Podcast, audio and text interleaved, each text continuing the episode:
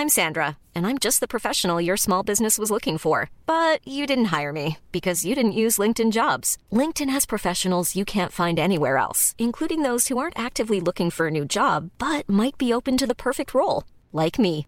In a given month, over 70% of LinkedIn users don't visit other leading job sites. So if you're not looking on LinkedIn, you'll miss out on great candidates like Sandra. Start hiring professionals like a professional. Post your free job on linkedin.com/people today. You should celebrate yourself every day, but some days you should celebrate with jewelry. Whether you want to commemorate an unforgettable moment or just bring some added sparkle to your collection, Blue Nile can offer you expert guidance and a wide assortment of jewelry of the highest quality at the best price. Go to BlueNile.com today and experience the ease and convenience of shopping Blue Nile, the original online jeweler since 1999. That's BlueNile.com. BlueNile.com.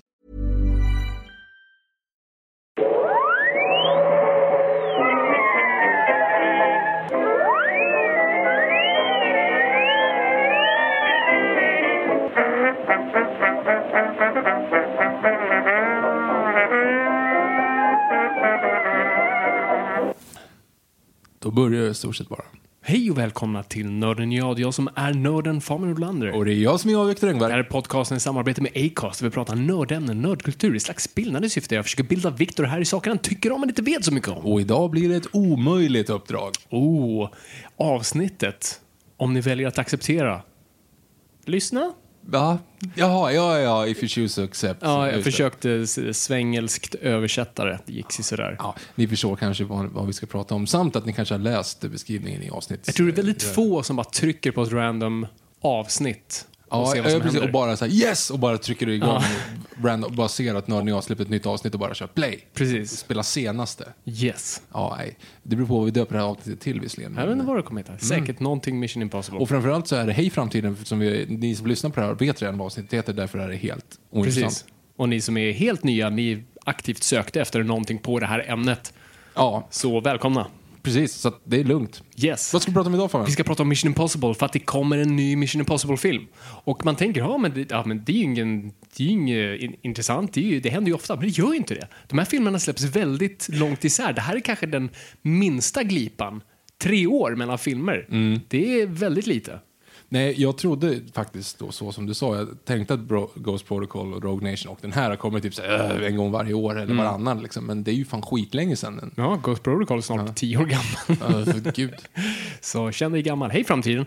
Ehm, ja, så det är det vi ska prata. Vi ska prata om i stort sett Tom Cruise filmfordon. Som han... Va? Du ser, nu översätter jag igen, för man säger vehicle på engelska. Ja, ja. För liksom, it's his vehicle. Ja. Men det, det, det säger man inte Nej, det, nej. Men jag har inget hans ord för filmserie kanske. Hans filmserie. Jo, men det är mer än det. det är det- mer än hans filmserie. Hans passionsprojekt. hans passionsprojekt, hans aktiva nöje i livet, His verkar libido, his life force, his what the Frenchman called I do not know French. Exakt så. Precis. Eller man säger, his libido, his life force, he's the, nej, och det, och just det är den. Och sen så säger han i den andra filmen, he's the mongoose to my snake. Or the snake to my mongoose. I do not know animals. det är bra. Vi, vi måste prata om Austin Powers. Har jag drömt, eller har det varit snack om att Mike Myers vill återvända? Uh, Alltså han vill ju det såklart för att han har ju liksom fuckat upp sin karriär så han måste ha någonting att ja, säkert. Jag vet, han har säkert det är ingenting jag har läst. Mm. Och han, har säkert, han, han är lite för gammal och fet nu för att spela. Det är inte som att han var var inte het attraktiv då. från början, men Nej. nu är han kanske beyond. men- Nu är han mer fat bastard än Austin Powers. Vad, vad var det senaste han gjorde? Helt ärligt. Alltså han, gjorde, han var ju med i, i um, uh, men gud, Hans. Landa. Ja, precis. Precis. En snabbis i en cameo. Men i övrigt har inte han gjort någonting. Nej, han är med nu i någon Margot Robbie-film i en så här hyfsat seriös roll. Lite så här mm. skämtsam, men ja. Men det var väl bara att han var ett svin on set så att ingen ville ha honom med någon att göra. Jo, men det är ju lite det. Han, han är ju hyfsat rökt i Hollywood. På, dels på grund av att han är tydligen ett rövhål att jobba med. Eh, tydligen, vad det är vad jag har hört. Det är inte ett påstående. Allegedly. Än en gång, ett engelskt ord. Visste du att svenska språket är väldigt limiterat? Vi har väldigt få ord tydligen, om man jämför med andra språk. Det är Eh. därför vi har svårt för, det är därför folk slänger in engelska ord hela tiden, för vi har inga bra svenska ord för att förklara vissa saker. Allegedly. Ja. Det är ordet typ. Närmst jag kommer. Ehm, ja, så det är väl så att han, han är inte så trevlig att jobba med, tydligen. Ehm, Plus Cat in the Hat. Plus massa floppar. Du har Love Guru, Cat in the Hat. Alltså det enda, han hade ju såklart Shrek, men det är inte som att folk gick och såg Shrek för Mike Myers, utan Han kör väl fortfarande Shrek visserligen? Alltså, är det inte typ Shrek 7? nej, so de slutade tired. väl efter The Fourth, eller vad de nu... Ja, ja, just det. Kanske. Det var inte jag som det- läspade på Force, utan The Fourth. Ja, ehm, det var ju ehm, ett, ett Tor skämt- eller snor? Både och. Jättebra. Oj, oj. Thor or Sor? Both. Fast det är bättre på svenska. Ni som kan referensen kan referensen. det är kul. Yes. Jag tror vi har inceptionat det här avsnittet ganska hårt nu. Jag var Det nära, började bra. ja, jag var nära också på att gå riktigt djupt in i, i, en till sidetrack på Shrek nu. Så nej, vi skiter i det. Ja, fortsätt. Yes. Ja, så, så Shrek är hans grej. Men Austin Powers, eller Mike Myers har ingenting med den här franchisen att göra. Nej. Nej jag kan inte ens hitta, mer än, han har också spelat ett spel. Jo! Jag har. Aha. Ja, Dum Tom. Cruise spelade Tom Mike Myers i I- Goldmember. Yes. Eller han spelade Austin Powers i Goldmember. Yeah baby. det är faktiskt jättebra.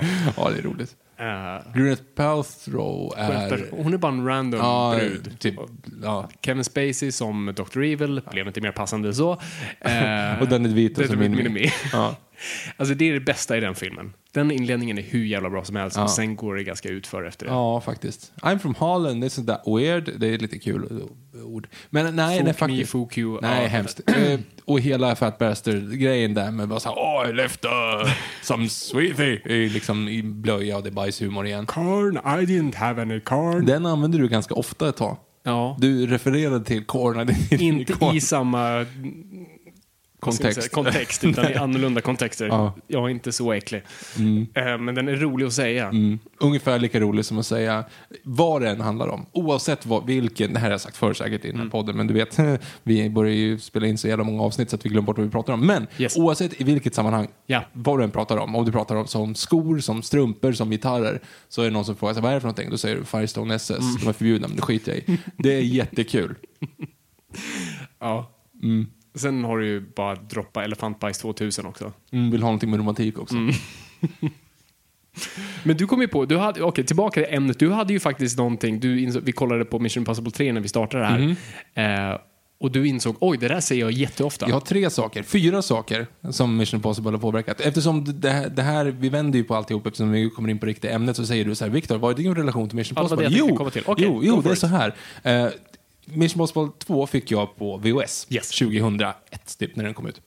Jag hade precis fått, jag fyllde år, jag fyllde 11. Och så fick jag då Mission Impossible 2 och eh, Joe Jättegorillan. Mhm. Och Joe Jättegorillan fick jag på DVD. Mm.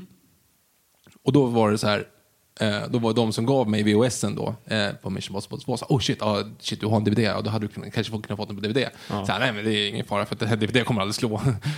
Så att, och då kom jag att, då kollade på Mission Impossible 2 och tyckte de var ganska, så mm, okej det är inte riktigt min grej. Men, och sen så, det tog ganska lång tid när jag förstod att jag redan hade sett Mission Impossible 1 då.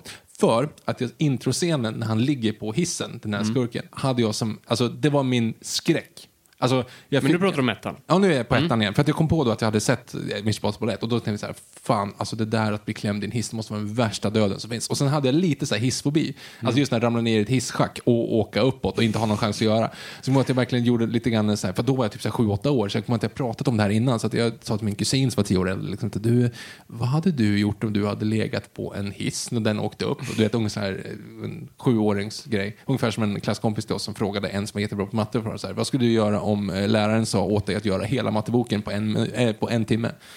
Och hon svarade, jag hade väl inte gjort den antagligen. Han, dum. Ja, du, Jag skulle spåra tillbaka ti- i tiden lite hela tiden så att jag skulle hinna göra den, sa han på hans svar. Ah. Oavsett det. Men det var ungefär den det resonemanget liksom, som han hade.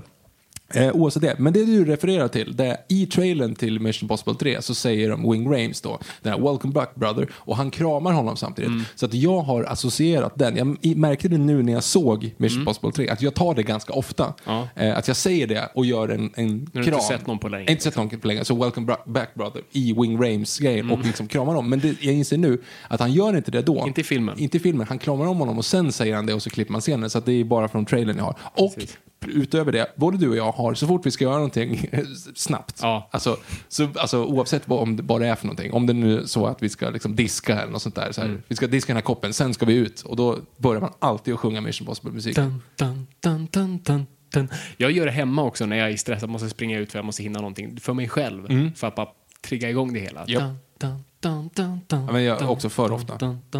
Det, ja, det, är- men det ger en rytm till hela. Mm. Till det. Okej, så Mission Impossible 2 är typ din sådär... Mission Impossible 2 är inte den första filmen jag ser, men den för- första filmen jag förstår att jag ser. Jag har Ah. sett Mission Impossible 1, men jag tror att jag bara såg första delen. Alltså jag såg typ bara första tills eh, hissen där och så tyckte jag att det var för obehagligt. Den var typ sju som sagt. Sen såg jag Mission Impossible 2 några gånger och sen så förstod jag i efterhand att det var Mission Impossible 1 då, som var i Mission Impossible. Att det var inte bara var en random Tom Cruise-film. Mm. Ja, intressant. Jag har inte Tycker samma... Ja, Mission Impossible 2 där. Bästa filmvalet. Ja, precis. Det var knappen. Bästa filmvalet. Ah, saknar dem. Nej, inte jag. Okej. Hyrvideobutiker är död. Ehm, hemmakvällen är alltså vi skar. Är det? Ja, ja. Finns Guldrullen, långt Ja. sen borta. Casablanca, Casablanca, långt borta. Ah, det, är ändå, det är ändå skönt den här grejen just med smurf Jag vet inte hur, hur ni gör där ute, barn. För på vår tid, då var det så att sa man smurf, då måste den ändå vara tyst tills man säger dens namn eller att det nuddar ett handtag. Jag kommer inte ihåg riktigt hur det är här. Så nu går här, han mitt emot mig går iväg och han nuddar, ja, han, han springer iväg, jag tänker inte säga hans namn. Där nuddar han handtaget och precis när han kommer tillbaka så kan vi höra att han säger Jag hade helt glömt bort det där. Jo, man får nudda ett handtag. Ja, precis. Ja. Det finns ju handtag överallt. Jag vet. För du är oftast i, oftast i ett rum. Jag tror att det var bara en sån här grej som de kom på på Det Europaskolan. är som bara så det här, finns ja, så här, tillbaka kaka och Ja. så här, titta, titta i cirkeln på knät så, där, så får man slå dem. den har jag aldrig hört. Jo, men, jo, om man håller en cirkel så här på knät med fingret eh, och du tittar på den, Mm. då får man slå den personen tills den typ nuddar ett handtag också. Jag vet inte hur mycket med handtag. Om man inte stoppar det, om man inte nuddar, om man lyckas liksom sätta om Fingret den andra, i, eh, fingret i cirkeln, då får man slå den andra. Herregud. Gul bil också dum sån. Gul bil, ja men den var lite kul ändå. Gul bil slår. Mm. Jag hade lite så här drömmen om att köra en gul bil. När jag så här, när jag blir stor då ska jag köpa en gul bil. Bara titta hur folk slår. slår bara. Total anarki där jag åker. Ja, Jesus. det är väl det den här nya The Purge-filmen handlar om. Fabian, vad är din relation Ja. till Mission Impossible? Nej, men Mission Impossible-serien är inte en sån här serie som jag har haft en gammal relation till. Ni som har lyssnat på podden vet ju att ja, men Bond går långt tillbaka, Indiana Jones går långt tillbaka, så det var här filmer jag såg fram emot.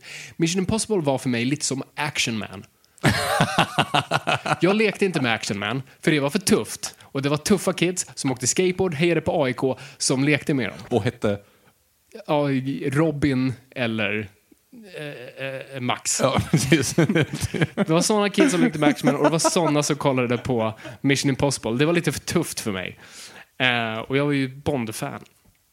Eh, så att jag, jag, jag kommer ihåg att jag såg Mission Impossible 2 med dig. Så det är, det är nog min första. Men sen, eh, jag blir inte frälst förrän 2005 då vi två går och ser Mission Impossible 3 tillsammans. Exakt. Och då är vi också lite så här, som man var när man var de åren mellan 12 och 17, 16, då man bara så här, ja men vi går och ser något.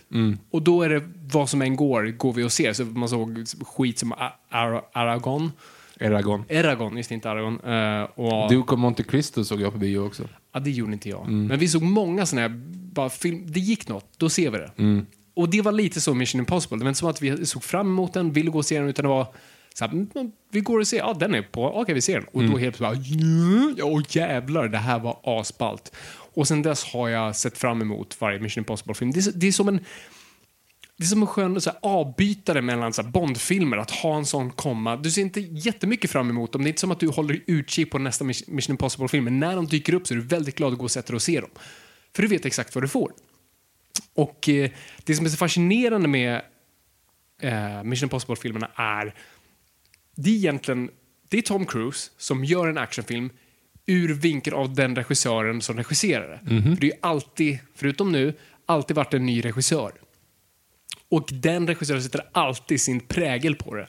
Det är inte som, det är inte som så Marvel-franchisen där allting ser ut, det är liksom cookie cutter. Det är bakformsfilmskapande. Allting ska se egentligen likadant ut, vi ska inte gå utanför ramarna allt för mycket. Men Mission Impossible-serien skiter fullständigt. Till och med Bond-filmerna är lite åt det hållet, nu har de gått ifrån det mer. Men förut var det också, de skulle se likadana ut, vara likadana.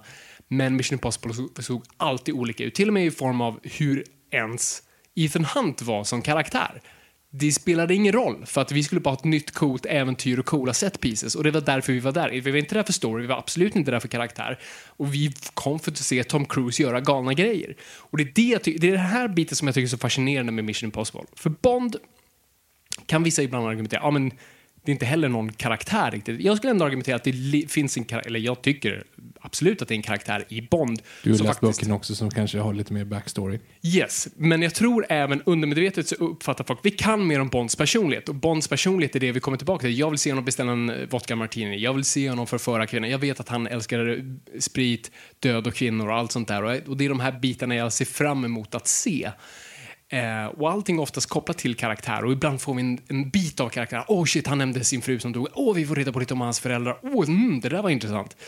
Ehm, så det finns ändå, vi ser en James Bond-film. Du går inte och ser en Ethan Hunt-film. Nej. Du går och ser en Mission Impossible-film eller en Tom Cruise-film. Och det är det jag tycker är så fascinerande. Det är en franchise som nu som varit igång, alltså Tom Cruise-franchisen, det går ju tillbaka till tv-serien från 60-talet, men den här franchisen som vi ser idag är lite över 20 år gammal. Och den är fortfarande igång och det är fortfarande Tom Cruise och vi går fortfarande och ser det. Men vi vet ingenting om karaktären. Men inte på ett mystiskt sätt, utan vi bryr oss inte, för det är inte det som är intressant. Det är en oväsentlig karaktär, för att han byter personlighet nästan varje gång. Vilket på något vis nästan passar in en meta...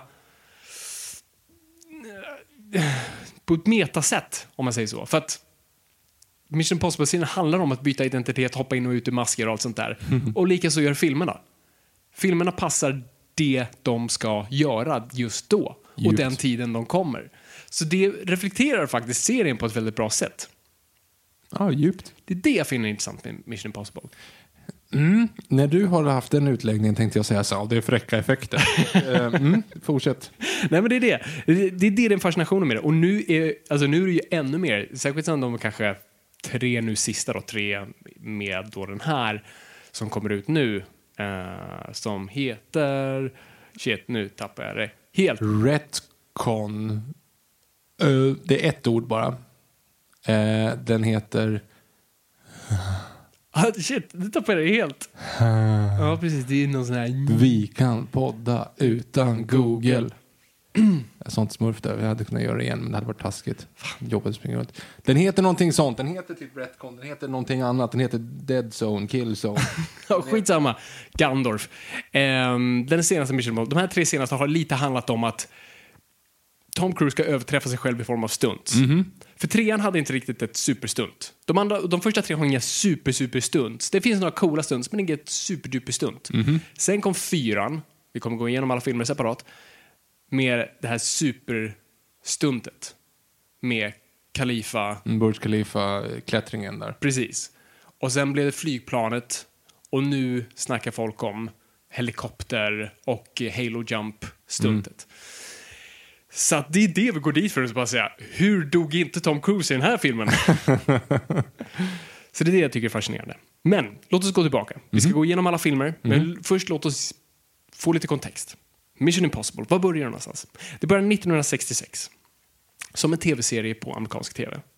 Och tv på 60-talet är som tv egentligen var fram till kanske Soprano-tiden. Alltså det var, det var tomma kalorier, det var godis. Det var någonting kul att se på efter du varit i gruvan och slitit och såg din bästa vän dö i dina armar.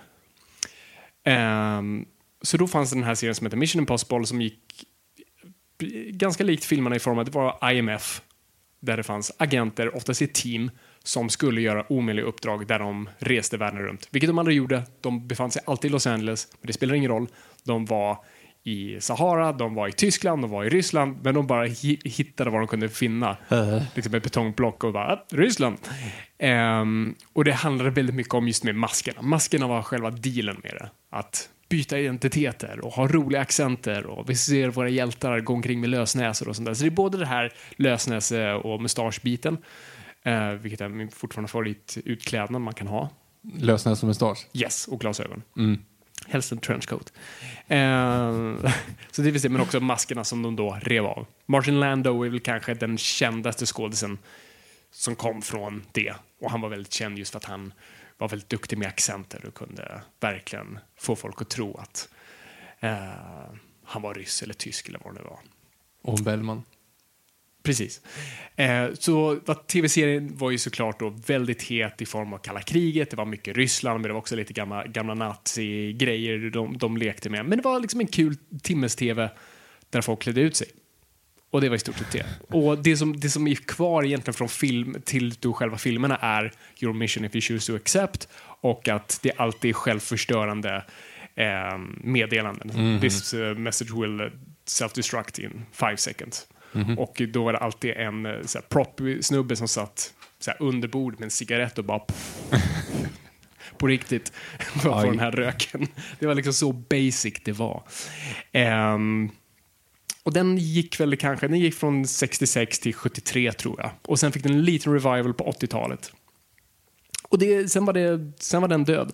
Paramount satt på de rättigheterna. Och på den tiden, alltså nu är det 80-talet, ingen gjorde någonting, 90-talet. Vi lever ju i en annorlunda tid nu där man tar sådana här IPs, intellectual properties, och gör film. Det är ju så vi har sett nu i tio år att man gör. Man tar en populär gammal grej som folk typ känner till, men kanske inte, och så förnyar man det för en ny generation. Och då har du automatiskt någonting folk känner till och du har det gratis. Shazam. Ja, det är ju som alla superhjältegrejer, men ja, absolut. Shazam. men det är som man ser nu, nu är det, ganska, nu är det nästan tvärtom. Nu tar man ju snarare filmer och gör till tv-serier. Du tänker på...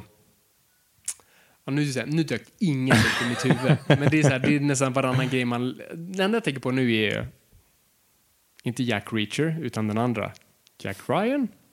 Ja, va? Vad hette den som vi såg? Alltså, gud, jag, jag, vi, vi är ju skamsna att ha en filmpodd. Med, Jo, Jack Ryan. med Chris Pine. Yes. Ja, jo, just det, just det. Det är Jack Det är en Ryan. TV-serie nu. Ja, men det var det, inte det bästa exemplet. Men det är väl John Grisham? Nej. Nej, det är... Vad fan heter han då? Han heter Jack Ryan. Jo, för du säker på att Hunt det- for Red October och allting, het, är inte det... Jo, det är Jack Ryan. Ja. Men det är inte John Grisham. Nej, det är en är det då? annan sån författare. Som, inte Robert Ludlum, det är Bourne. Uh, men vänta, vem är det som är Splinter Cell? Det är Tom Clancy. Det är Tom Clancy. Så det är Tom Clancy. Det är nog Tom Clancy. Det är Tom Clancy. Det är Tom Clancy. Du har rätt. Bra där. Snyggt. Vad sa jag? Grisham? Grisham. Är. Han skriver bara om advokater. Just det. Uh, Men vänta lite här nu. Vilken är uh, han... vad heter... Ja, get off my plane. Vad heter han? Air Force One. Ja, vem är det då? Harrison Ford. Ja, just det. Nej, men jag skojar. Men vad fan. Jo, Some of All Fears. Det är nästan samma sak. Det är samma. Det är också Jack Ryan. Yes, precis. Mm. Så det har gjorts tidigare Jack Ryan-filmer. De har inte sålt som Jack Ryan-filmer utan Hunt for Red October. Kolla, det är en rysk Sean Connery. Just det. Som, Som är skotsk. fortfarande pratar så här. Och såg du, såg du min tweet som jag retweetade? Nej, vänta, man gjorde inte min tweet. Uh, at what time does Sean Connery arrive at Wimbledon? Nej, jag kan... Jag... Tennis. Den är bra. Det är bra. Eh, vet inte, ja, precis. Bara för det kommer jag inte på det, men vi lever i en tid nu där man snarare drar omvänt att filmer blir tv-serier. Så nu, för nu är ju tv det heta, så nu vänder man på det istället. Men eh, på 90-talet var det ju inte så. IPs var, inget, var ingen större grej. Men vi har en ung het Tom Cruise. I stort sett på Han är inte så peaken. ung längre, det är tio år efter Top Gun. Ja, så han är 30 någonting då. Eh, men han är ung och het, piken av sin karriär i alla fall. Han kan sälja filmer. Ehm, och han känner mer och mer, vi har ju pratat lite om det här i vårt Tom Cruise-avsnitt, gå och lyssna. Tom Cruise ett rymdäventyr heter den. En av våra bättre titlar må jag säga. Eh, och eh, som vi pratar om det, alltså Tom Cruise var ju väldigt mån om att kunna alla aspekter av filmskapande. Han vill ju veta allt. Han satt i projektrummet och frågade ut projektionisten. Han stod bredvid kameramannen för att lära sig kameran. Han bad med regissören att lära sig. Han skulle lära sig alla aspekter av det. Och allt det byggde upp till att han skulle då ha sin egen franchise som han då kunde lansera sitt producentskap via. Han skulle producera någonting och han var ett stort fan av Mission Impossible-serien och tänkte att det här kan faktiskt bli en bra film. Så det är först det man tänker. Man tänker inte så, nu tänker vi filmserie, jag tror han först tänker film. Och det här är ett bra vehicle för mig. Jag kan vara i huvudrollen, jag kan producera det, det är action, det, alltså, det kommer funka, det passar min bild jag kan göra de sakerna jag vill göra. Så han går med Paramount och eh, får då dem att investera typ 60 miljoner i det. Tom Cruise vill ha mer, men mm, de är inte riktigt med på det. De tar in Brian De Palma, het, inte så, då, är han liksom, då har han ändå varit med ett bra tag. Um, men liksom legendarisk regissör. Och um, de då bestämmer sig för att skriva ett manus. De, den, de hoppar igenom massa manusfattare. Det landar främst hos David Kep som skrivit Jersey Park. Uh, han får en miljon dollar för att skriva ett draft. Det är mycket då? I, i manustermer, ja. Mm. Det är väldigt mycket. Manusfattare får inte så väl betalade. Det är väldigt få som, som får det. Jag tror, alltså, då var... Ja, David Kep var så pass bra betald. Sen tänker jag ju också på Shane Black var också en sån här mm jag tror Lethal Weapon var också, bara hans treatment såldes för 5 miljoner dollar. Det var ju helt sinnessjukt. Um, så ja, nej, manusfattare, absolut, de är inte dåligt betalda, men de får inte the big bucks. Uh, men manuset är ingen riktigt nöjd med, Cruise är aldrig riktigt nöjd med, de tar in Robert Town, en av de bästa manusförfattarna som finns, framförallt för att han skrev Chinatown. Jaha, uh, okej, okay. jag tänkte säga aldrig hört talas om, men okej, okay, right. Uh, och där då, men de, men fortsätter hålla på med manuset. Tom Cruise är väldigt involverad och han har vissa sekvenser han kräver. Men de går in för förproduktion och sen börjar de filma utan att ha ett riktigt klart manus. Men hur som helst så får de ihop det och det är första Mission Impossible som släpps 1996. Och blir starten för franchisen och har sina... Ta med den här ikonografin. Jag tror främst i allting ligger så magiskt i den här inbrottsscenen då han Den kommer från taket, ja. Mm. Det, hela franchisen är byggd på det. Det är det du alltid blickar tillbaka på. Mm. Så, vad tycker vi om första Mission Impossible? Jag ska ärligt säga så här, jag har sett alla andra nyligen, alltså typ senaste tre dagarna. Men den mm. här är ändå något år sedan jag såg, så jag hann inte riktigt med den här. Jag minns, därför kommer jag låta dig prata mer om den här, mm. men jag minns den som bara en, liksom, ja, men som en, en tight actionfilm. Um, mm. Som på stå på sina egna ben på ett sätt som jag inte tycker till exempel några av de följande gör. Um, jag, jag gillar den. Mm. Och den har sina ikoniska bilder och framförallt så tror jag att jag såg den så pass ung då, då i och med att jag såg den där scenen med, med hissen, som att jag fick den liksom, så den har fastnat liksom. Och jag vet inte mm. om den fastnade för att jag såg den när jag var så ung eller om den fastnade liksom, eh, på grund av sina egna ben. Mm. Eh, men Tom Cruise är bra, allt är liksom koreograferat mm. snyggt. Jag gillar den, men jag kan inte så mycket mer om den än så. Mm. Nej, men jag gillar den också. Jag, jag, jag tycker det är en intressant film som, som på något vis den, den blickar tillbaka på sitt arm men ändå före framåt. Och den har lite meta-grejer som jag tänkt så här, åh, det här, alltså nu leker vi alla med meta, med nostalgi och blickar tillbaka, åh, där är en hint där, vi har den skådespelaren från den här gamla grejen där.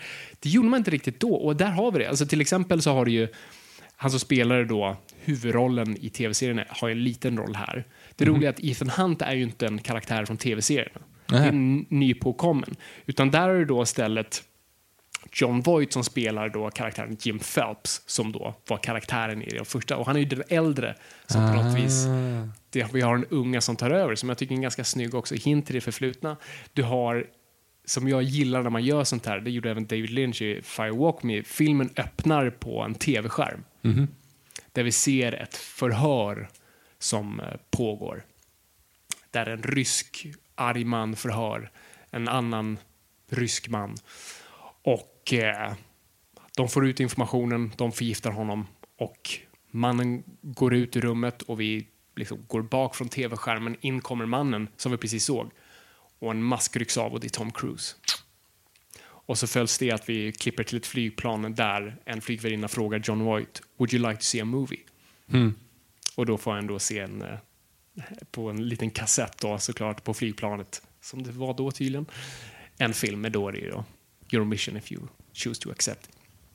Uh, och bara där så här, oj shit vad metar de, de mm. leker med konceptet av tv och film och framförallt också illusion. Uh, vilket jag fann väldigt mycket, så här, hela filmen leker jättemycket med konceptet av illusion och sleight of hand. eh, alltså fingerfärdighet, att, att, att hela tiden göra illusioner. För det är det film är. Film är en illusion. Det är vad film är. Eh, och det gör de väldigt mycket här, att hela tiden referera till att allt är ett spel för gallerierna oavsett vad. Det är maskar, masker och eh, smink och lösnäsor och, och det är det film handlar om i slutändan. Vi har den här kända scenen då eh, Jean Reno hotar Tom Cruise genom att säga jag har disken och Tom Cruise säger du har inte alls det, jag har den och så visar han ett illustrerar för honom att han kan trolla bort den när han vill då, så klassisk, alltså vanlig gatumagi-trick. Och också där bara visa att det här, det här handlar om filmmagi, det här är inte tv. Eh, och jag gillar de aspekterna med det. Jag tycker här, maskerna är skitsnygga. Alltså det, är ju även, alltså det här är en gammal film, den är 1996, dataanimeringen är fortfarande väldigt fräscht och nytt. Mhm. Och många av animeringen kanske inte är skitsnygga, jag tänker främst på tågsekvensen. Mhm. Den har jättemånga snygga aspekter, men det, alltså, helikoptern där ser inte bra ut. Men just maskbitarna kan jag fortfarande hur fan gjorde de det där? För att det är inte den här klassiska grejen, man går bakom någons axel och så är masken av, utan det är verkligen, du ser en karaktär och så rycker den av sig masken och så är det en annan. Här är det dock en ganska kul grej att de visar då Tom Cruise ska imitera en, en karaktär såklart. Så, ah, här är personen du ska vara.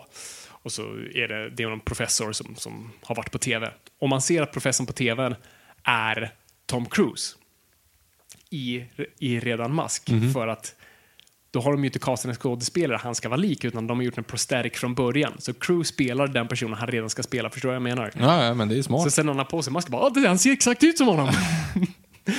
Eh, Han, står, han går omkring i bakgrunden med hatt och eh, mustasch hela tiden. Ja, precis.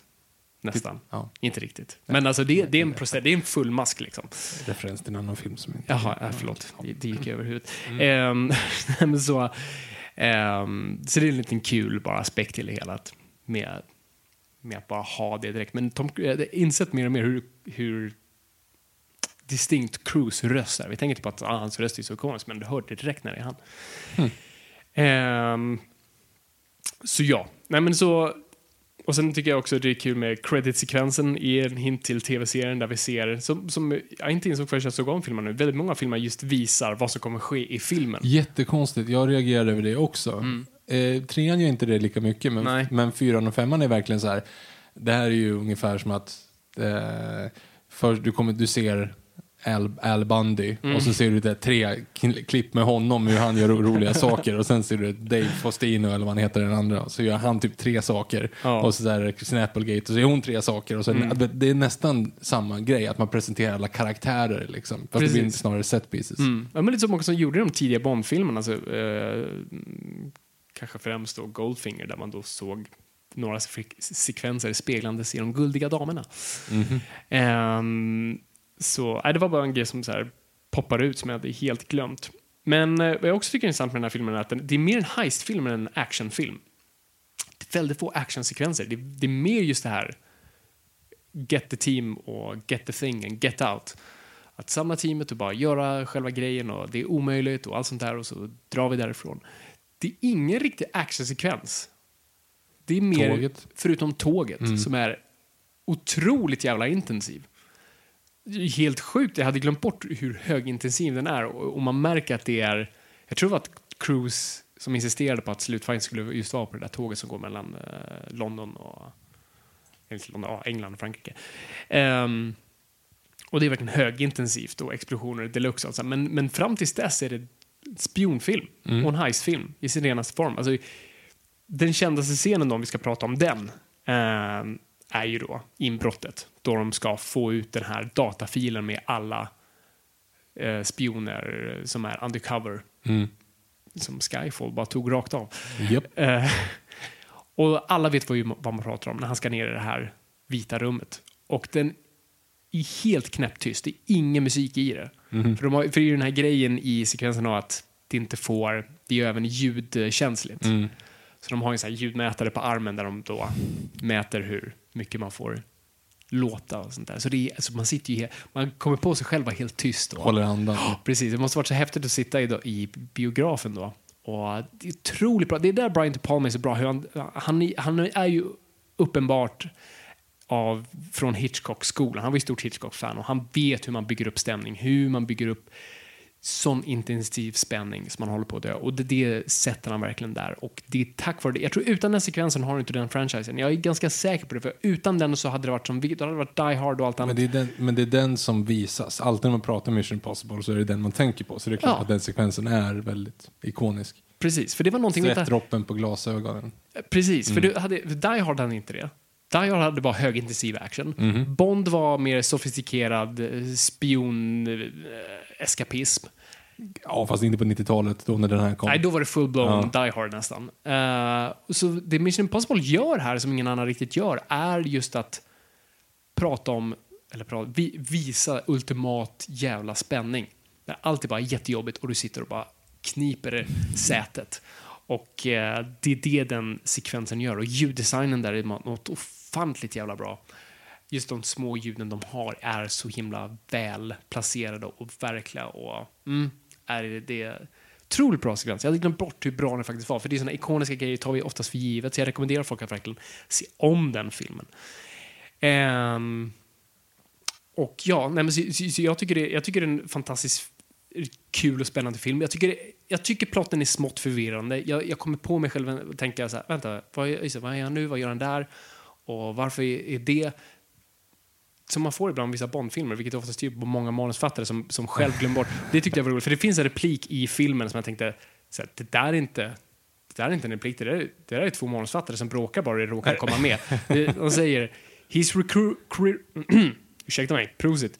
He's recruiting. For what purpose? Question is What does he want? Where does he need to get it? And what the hell is that noise?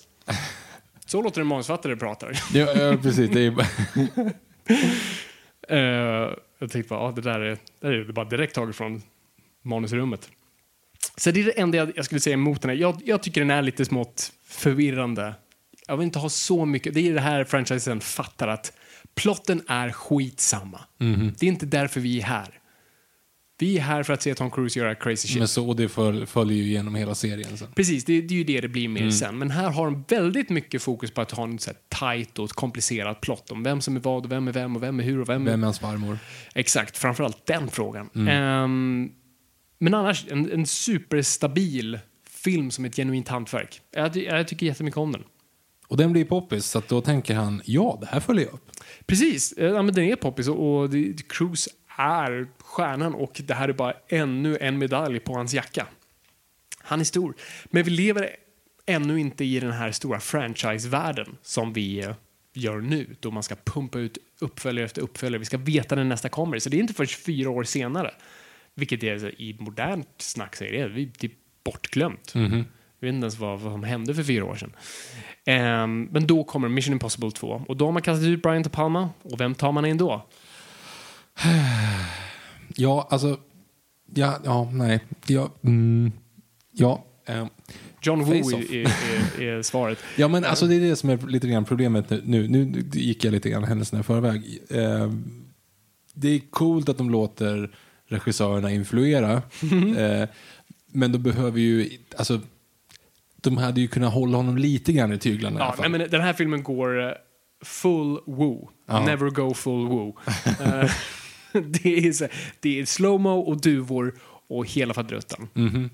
Nu ska jag säga, jag gillar Face-Off. Jag älskar Face-Off. Ja, ingenting ont Och jag den. älskar John Woo, så det är inget problem där. Men här är en konstig mix av det. Mm. Och jag vet inte varför, för jag tror John Woo försöker slänga in massa saker. Som, så här, visuella metaforer som inte riktigt funkar. Alltså som när eh, Tom Cruise eh, jagar Thandy Newton där i, i Spanien så klipper han mellan dem och eh, salsa. Eh, f- Flamenco. Flamenco. Massa klackande klackar och allt sånt där. Och så här, och den klippningen mellan dem, det förtjänar inte varandra. Så här, Vi är inte i den stämningen och det, de två funkar inte riktigt. Och, det är som att han försöker säga uh, kärleken mellan djur. Alltså det, är någonting han eh, försöker få in där som absolut inte funkar. Och, men, men det roliga med den här filmen tycker jag är att nu när jag såg om den så var den bättre än vad jag minns den. För att vad som överskuggar den här filmen, precis som första filmen på ett positivt sätt överskuggas av inbrottsscenen, så överskuggas den här filmen av tredje akten. Det är Ja. det enda du kommer ihåg. Med Tom Cruise springandes omkring och dödar folk på väldigt konstiga, onödiga sätt. I slowmo. Ja, och eh, explosioner. Otroligt mycket Ja, det explosioner. det. Absolut. Ja, det ska vara, ja, alltså bara inledningsscenen med alla inledningsscener är ju på planet, men, eh, men sen när vi klipper till Tom Cruise som klättrar på berget. Ja. Där vi framför, här ser vi verkligen bara Cruise som säger jag vill göra det där, Ja. få in det. Jo, men kolla trailern, så det enda som händer är han klättrar och sen exploderar saker. Exakt. Alltså, och det är det som för det är händer. det de säljer. För det är då han får ju your mission if you choose to accept it. Mm. Och så får han uppdraget i ett par glasögon, i ett par solglasögon. Men det är ju inte bara det, han- står det att de, ja, men han klättrar ju upp. Han så, klättrar ja. upp, en helikopter kommer, skjuter en bazooka med någon så här projektil som landar i sanden, det ser ut som en bomb. Och så öppnas det upp och så är det bara glasögon där. Och så t- tittar han de glasögonen och sen han, this message will self-destruct in five seconds. Så han kastar iväg den mot kameran och den explo- exploderar i en jättedålig CGI-version och så blir det liksom dun, dun, dun, dun, dun. Alltså, fan, ja, gud vad Ja, jag Limp inte gillar Bizkit. 90-talet. Nej, shit. Limp Bizkit gjorde en cover på temat och utdaterade direkt. Nej, men det här är den enda filmen egentligen som jag tycker i alla fall är en sån pass produkt av sin tid att den knappt går att titta på längre. Ja, jag, jag skulle... Mm, alltså absolut, det är det. Du, du, du tror inte att det är en annan tid än vad det är.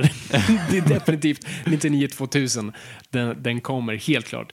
Men jag måste ändå säga att du njuter av det lite mer. Nej, jag, kan, jag är ledsen alltså. Jag, jag, jag klarar inte av det. För Robert Town är tillbaka som manusförfattare. Vilket var, jag var så chockad över när jag såg det nu. Så här, vem fan skrev den här skiten? Och sen bara, ah, det är Robert Town.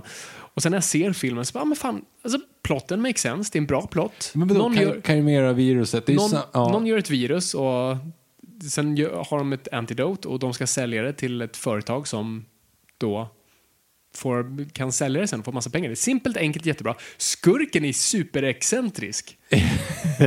jo, men, ja. Och sk- skurken är ju då eh, Doug Ray Scott som spelar och verkligen går over the top. Ja, Chewing the scenery. Chewing the scenery. Alltså, Och du har Monstrolle i Monstro introt. är med. eh, som är också jätterolig. Och det är, där, det är det enda som jag tycker, eller det enda, men det är en av de här grejerna. För man ser att Robert Town försöker peta in lite idéer i den här. För det öppnar ju med Monstro som Mm. pratar om Chimera. Och um, pratar om att för att han pratar om de gamla myterna och för att hitta den ultimata hjälten så måste du ha den ultimata skurken. Mhm. Och därför har jag skapat den ultimata skurken för att den sanna hj- hjälten ska träda fram och det är ju referens då till Antidote och Poison, lalala. Mhm. Och det är så här, men de här är, och de pratar om grekiska myter men inget av det används för till slut har vi Tom Cruise i en mössa springa och döda folk väldigt på onödiga sätt i slow motion. Och åka motorcykel, får man inte glömma. Är massor av motorcykel Och ha en, solglasögon. en lite så Aaron Carter-frisyr. Ja, den är ju det är en lång frisyr. Och här är ju Ja. också eh, enligt tradition att varannan film måste Tom Cruise ha kort hår och varannan långt hår. Mm, Så Okej, att det- ja det måste han ju ha. Ja, jag kolla på dem. Förutom det, det är här de bryter av det tyvärr. Så han hade kort hår i första, långt hår i andra, kort hår i tredje, långt hår i fyran, kort hår i femman. Och nu när vi kollar på trailern så har han kort hår igen. Skit. God damn it! Men den bryter många grejer. För att, eh, Damn you. Christopher McQuarrie är tillbaka så är den första som återvänder till franchisen. Ehm, så han har ju faktiskt det långa håret. Och det roliga är, du ser ju också Matrix-influenserna. För Han går bara runt i en Ja, läderrock och solglasögon. Och ja. det är solglasögon överallt. Det är inte bara de de kastar i början, utan alla på sig solglasögon hela tiden för ingen anledning. Snabba solglasögon. Riktigt snabba solglasögon. Och, och 90-tals... Nej, nej, smala och spetsiga. Och, Ja, och, och 90-tals CG som inte håller. Nej. Och det är explosion. Ja, de har coola bilar, de har coola motorcyklar och det är slum... Alltså nej. Nej, men alltså, produktplaceringen i den här filmen skulle göra James Bond obekväm. Alltså det, det, är, det, det är en sån, framförallt är det en helt annorlunda film från den första. Ännu en gång är ju då Ethan Hunt en helt annan karaktär. Här är han ju bara, alltså i första var han ju en sån här rookie som var lite cool och charmig och ändå så här mm, tänkte ett steg längre. Här är han ju en mördarmaskin. han är ju Neo och Terminator i ett drag liksom. Eh, och det, ah, nej, det, det är så kul. En annan grej som jag var fan roligt bara för att visa utdatera den här. För de har, de har ju väldigt mycket minneskort i den här filmen. För de har ju de så här tidiga digitalkamerorna. Och de använder minneskort. Jag tänker, åh shit, men fan det här tar ju oss lite in i 2000 plus-talet. Och så plockar de ut minneskortet och så här, vi måste skicka det här. Och så lägger de det i ett kuvert. Jag ska posta det. Det var min favoritscen. Min favoritscen är i sista fighten där mot skurken när han gör en, en round kick i slow Ja, och man ser hur han, han träffar för bra, för han träffar Mm. stuntmannen på, i, rakt på hakspetsen. Och man ser eh, Tom Cruise reaktion, man jävlar vad där det blev fel. Men de har den De scenen. har det med, för, det, ja. För, man, ja, för det är skitsnyggt och du ser, han träffar uppenbart den. Den killen är död. Ehm, och det, men det jag gillar med den skurken är faktiskt att de leker lite med det att här är an, anti-Hunt. Alltså det här är, han är ju också en gammal IMF-agent. Ja, som Skyfall Och- också tog. Jo, jo precis. Ja, verkligen. Ja, men, jag- alltså, som sagt, Skyfall har mycket att svara för. Men... ehm, det, och de le, det finns en bra sekvens där de faktiskt leker, men det utnyttjas inte fullt ut. Och det är när vi har det klassiska då Tom Cruise ska ta sig in och hämta någonting. Och då, hur vi ser planerandet då, precis som man gör i de andra filmerna, man ser planerandet och då ser man även så flash forward, hur det kommer funka. Eller hur, man, hur de hoppas att det funkar. Men i den här så förklarar då vår skurk hur Ethan Hunt kommer göra det. Och Man säger att han, jag känner uppenbart Ethan Hunt, han kommer komma uppifrån för det är minst security där och han kommer gå smidigt ner, han kommer vara tyst och allt sånt där. Och vi ser allt göra det, men samtidigt går ju skurken in underifrån och bara spränger och dödar alla. Och visar då kontrasten när de möts på mitten. Jag ska allt det där, fan det där var snyggt! Bra! Säkert inte meningen. Det är Robert Town som har skrivit det. Jag, jag, jag, jag, jag, tar det. Men, eh, ja, men... Vad händer i tredje akten då med vår starka kvinnliga karaktär? Ja, det, Eller säg så här, vad händer i hela filmen med vår starka kvinnliga Ja, hon, karaktär? hon, vi inleder ju på henne, ja, vi inleder på hennes urringning, men bortsett från det så är det ju att de försöker presentera henne som en sån här smart tjuv som eh, en cat burglar som kan överlista alla och nästan hand, men inte riktigt. Men de är nästan jämlika. Men sen glömde de bort det. Och, Och så så här, de dem i shit, vi har en karaktär för mycket. Vi vet inte vad vi ska göra med henne. Okej. Exterior Sydney. Uh, woman walk. Uh, alltså, nästa scen. Det är bara hon som går omkring och ser lite full ut. Mm. Hon har ingenting att göra, stackars Stanley Newton. Så att, nej, det är det inte så mycket att göra. Ja, just det. Spoilervarning förresten. Ja, hon, går, hon blir då den sista smittbäraren av Chimera. Ja, så hon, infekterar ju sig själv Ja. för att rädda situationen. För det är Chimera-viruset som Cruise ska hämta där i den här som jag precis pratade om, den sekvensen. Och han lyckas förstöra alla förutom en. Och det är det de står och skjuter varandra för. Så att för att skydda han så infekterar hon sig själv för då kan de ju inte skjuta henne. Varför vet jag inte varför man inte bara skjuter henne och. Och tar tar blodet, typ. Ja, Men nej. eh, skitsamma. Science. Um, vi vet inte vad det är. Det är 2000. Ja, och sen så går hon bara omkring i Sydney och ser ledsen ut. Men ja, nej men alltså tredje akten, det är det som verkligen färgar hela filmen. Det har ju Tom Cruise som går omkring i en konstig mössa och mördar folk. Han mördar ju en människa genom att göra en framåtvolt och med hälen sätta det i bröstkorgen så att Mm. snubben då tydligen dör. Jag får med att, att eh, en av Tecken 2-karaktärerna kunde göra samma attack om det var lågt. Ja, det. ja men det, göra så. det, det stämmer nog. Men väldigt mycket bara konstiga grejer Tom Cruise gör, skumma skutt. Mm. Eh, till, eh, till en, en, eh, en, en bakgrund. Vad heter det? En, en, vad, heter, vad heter en sån här bakgrund man har? Till en... Mm, vad heter, Green screen? Nej, men det var på dekor. Dekor? Till en dekor av explosioner och vita duvor. Yes, ja, massor av duvor framförallt. Och du ser ju Tom Cruise springa in genom dörren där genom elden när en duva först kommer ut. Jättedåligt eh, intryckt med dator. Ehm, ja, men det är en jättekonstig sekvens och sen blir det ju då allting går total bananas med motorcykelgrejer. När de kör in i varandra och fångar varandra i luften. Ja, de alltså åker, det är chicken race, de åker mot varandra full fart framåt. Alltså det är inga hämningar whatsoever. När de är så nära varandra man bara kan bli så hoppar båda upp och flyger in i varandra och fångar och landar. Alltså det, och där är det bara så här, "Hua!" landar och börjar slåss. I vanliga fall ska bara splatt. Ja, precis. Två röda fläckar på marken. Men eh, det är Mission Impossible. Och sen bara en jättelång, jätte utdragen fight. Mm. Och de slår varandra. Och de det är lite rockig grejen. De träffar varandra perfekt varenda gång. Och de bara Precis. ruskar av sig. och upp igen. Och sen den klassiska då Tom Cruise behöver sitt vapen som är vid marken men skurken siktar mot honom så han bara sparkar ner sin fot så att den flyger rakt upp Jag vet inte mot riktigt hans det går huvud och så tar den, jag vet inte det heller, alltså jag tror en miljon av fallen skulle den bara flyga framåt men det är Tom Ja. Cruise vi pratar om så att eh, ja, Inte lätt. det är inte lätt. Men ja, alltså det, det är en succé whatsoever. Det är, det är under Tom Cruise peak och det är en actionrulle. Och det är Limp Bizkit, så varför inte? Det är en hit. Eh, Bästa Men- filmvalet var det i alla fall. det var det. Men sen har vi fem år senare. Du ser här, det är, det är stora luckor. Så är Tom Cruise sugen på att göra en till. Han är ett stort fan av tv-serien Alias.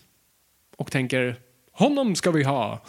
JJ Abrams, en ganska grön, han har varit med i businessen länge, han har ju skrivit manus sedan han var 20. Eh, han har ju varit väldigt involverad i mycket, men, men på något vis etablerat sig själv som tv-producent och regisserar lite pilotavsnitt och sånt där. Så det är ju Alias han är stor för, jag tror Lost har är ganska nytt fortfarande. Men, eh, men absolut oprövad som filmregissör för en stor franchise. Men Crew säger honom ska vi ha, honom vill jag ha. Och där har vi Mission Impossible 3 Yes. som vi går och ser på bio. Och det var som att se... Alltså det är. Det, ni yngre som, som, som kanske inte fanns då, eller var väldigt unga då. Alltså, man hade inte sett en sån här actionfilm då. Alltså du hade Bourne, och, men det är 2005 så Casino Royale var inte ute än. Jag kommer till och med ihåg att det stod på, sen, på posten så här, James Bond borde skämmas. Alltså, vi hade haft Dina Day senast och så kom det här. Och det är två helt olika genrer och Ja, helt plötsligt blev det epoker. lite nitty gritty, fast det inte är det. Men en down and, inte nitty gritty, down and gritty menar jag. Yes. Ehm, det känns helt plötsligt verkligt på något sätt, fast det inte är det med facit på hand. Men det känns som att folk faktiskt gör, får ont och det blev liksom en helt annan typ av, av eh, realism. Mm. Ja, ja, men du börjar ju, du öppnar ju filmen bara svart och ljudet av att någon torteras. Mm. Och sen, puff, så ser vi bara en Ethan Hunt, blodig, andfådd, helt förstörd. Och Philip Seymour Hoffman. Som gör sitt livsroll, näst bästa roll. Vilken tycker du är bäst? Nej, Boogie Nights. Ja, den är faktiskt jävligt bra. Uh, ja, nej, det här är, jag, när Hoffman eh, gick bort allt för tidigt så det var den här filmen jag slog på faktiskt. Ehm, för att, eh, alltså, det, är Bond, det är den Bondskurken vi aldrig fick, men han gjorde det så himla bra här. För det, det, han är så nonchalant hela tiden. Han bryr sig inte. Det, alltså, Ethan Hunt är en hundskit på hans sko. Ja, precis. Han vill bara få bort det. Ja, Det det, var, det var lite så här, ungefär som när man, när man kommer fram till ett rödljus och du slår precis om till rött. ja. Och sen så... ah, ja, men skit, jag är kidnappad på ett plan av några idioter som tror att de kan kunna Jag har gjort förhöra det mig. 10 000 gånger förut. ah, vad jobbigt. A ja. girlfriend. so I'm gonna find her. I'm gonna hurt her. And then I'm gonna kill you. Right in front of her. Det är så jävla bra. Oh, det är så bra. Men det börjar med en cold open, precis som en James Bond-film. Alltså man ser ju den... För, precis, men det är det som är så fascinerande. Det öppnar inte med en actionscen. Nej, nej, det, det ju öppnar bara med en flash ja, ja. forward. Och här är ju också att vi presenterar en skurk via handling. Bondskurkar, skurkar överlag presenteras oftast via att det finns en man som inte någon ser i ögat. Alltså det är, det är klassiska Goldfinger, he's the man, the man with the Midas touch, a spider's touch. Den där snubben låter läbbig. Ja, fast vadå? Gold, Goldmember, eller Goldmember, Goldfinger är ju en barnlek i, jo, i, nej, men i presentationen i via låt jämfört med Man with a Golden Gun. Ja, där, ja, de, där de presenterar hela karaktären bara i He låten. has a powerful weapon. He charges a million shot. Men här har du- Second to none, the man with the golden gun. Ja. Så de där. Men här har vi en skurk som presenteras via handling. Mm. Inte att någon pratar om honom eller han säger läbbiga saker utan han står där med en pistol mot Tom Cruise uppenbara käresta Mhm. och säger jag tänker mörda henne. Och han menar allvar när han gör, alltså just, just hur han räknar. Bryr sig inte, har inget tid för skitsnack. It's not in Paris. Mm. Seven. Det är riktigt bra. Ja, det Alltså, man sitter ju på edge of your seat och man vet ju inte heller, för det blir ju black innan han skjuter också, så man vet ju inte riktigt vad som händer. Så man har fortfarande den Ja, du hör ju smällen. Jo, du vet, men det blir black precis. Precis. När det liksom, och sen så säger han också så här, eh, you should killed me in the plane. Någonting sånt där. Så Han gör en referens till en Mm. Exakt. scen som inte har sett den. Så när man kommer till den scenen i planet och när han ska klippa loss den sista, man bara så, gör det, gör det! liksom, vad fan håller du på med? Det borde verkligen. Liksom. Precis.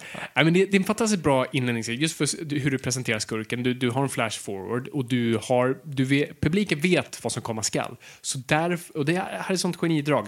För att då kan filmen tillåta sig själv en långsam första akt. Eller inte så långsam, det, det det, drar men- igång. Men du, har, du kan öppna på en förlovningsfest Ja, i en. Mission Impossible-film och det är okej. Och de gör det fortfarande bra med att du slänger in små, just att han kan läsa läppar som är också är, det, det är så mycket planteringar och payoffs i den här filmen på ett sånt pass bra subtilt sätt. Som inte bara en wink wink nudge nudge utan saker som fungerar i plotten när det presenteras som sen har en annan funktion senare i plotten. No padre, I was... Vad fan är han säger?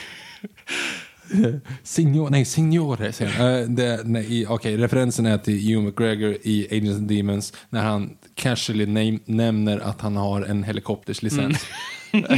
Mitt i ett möte, typ med Vatikanen. Ah, ja.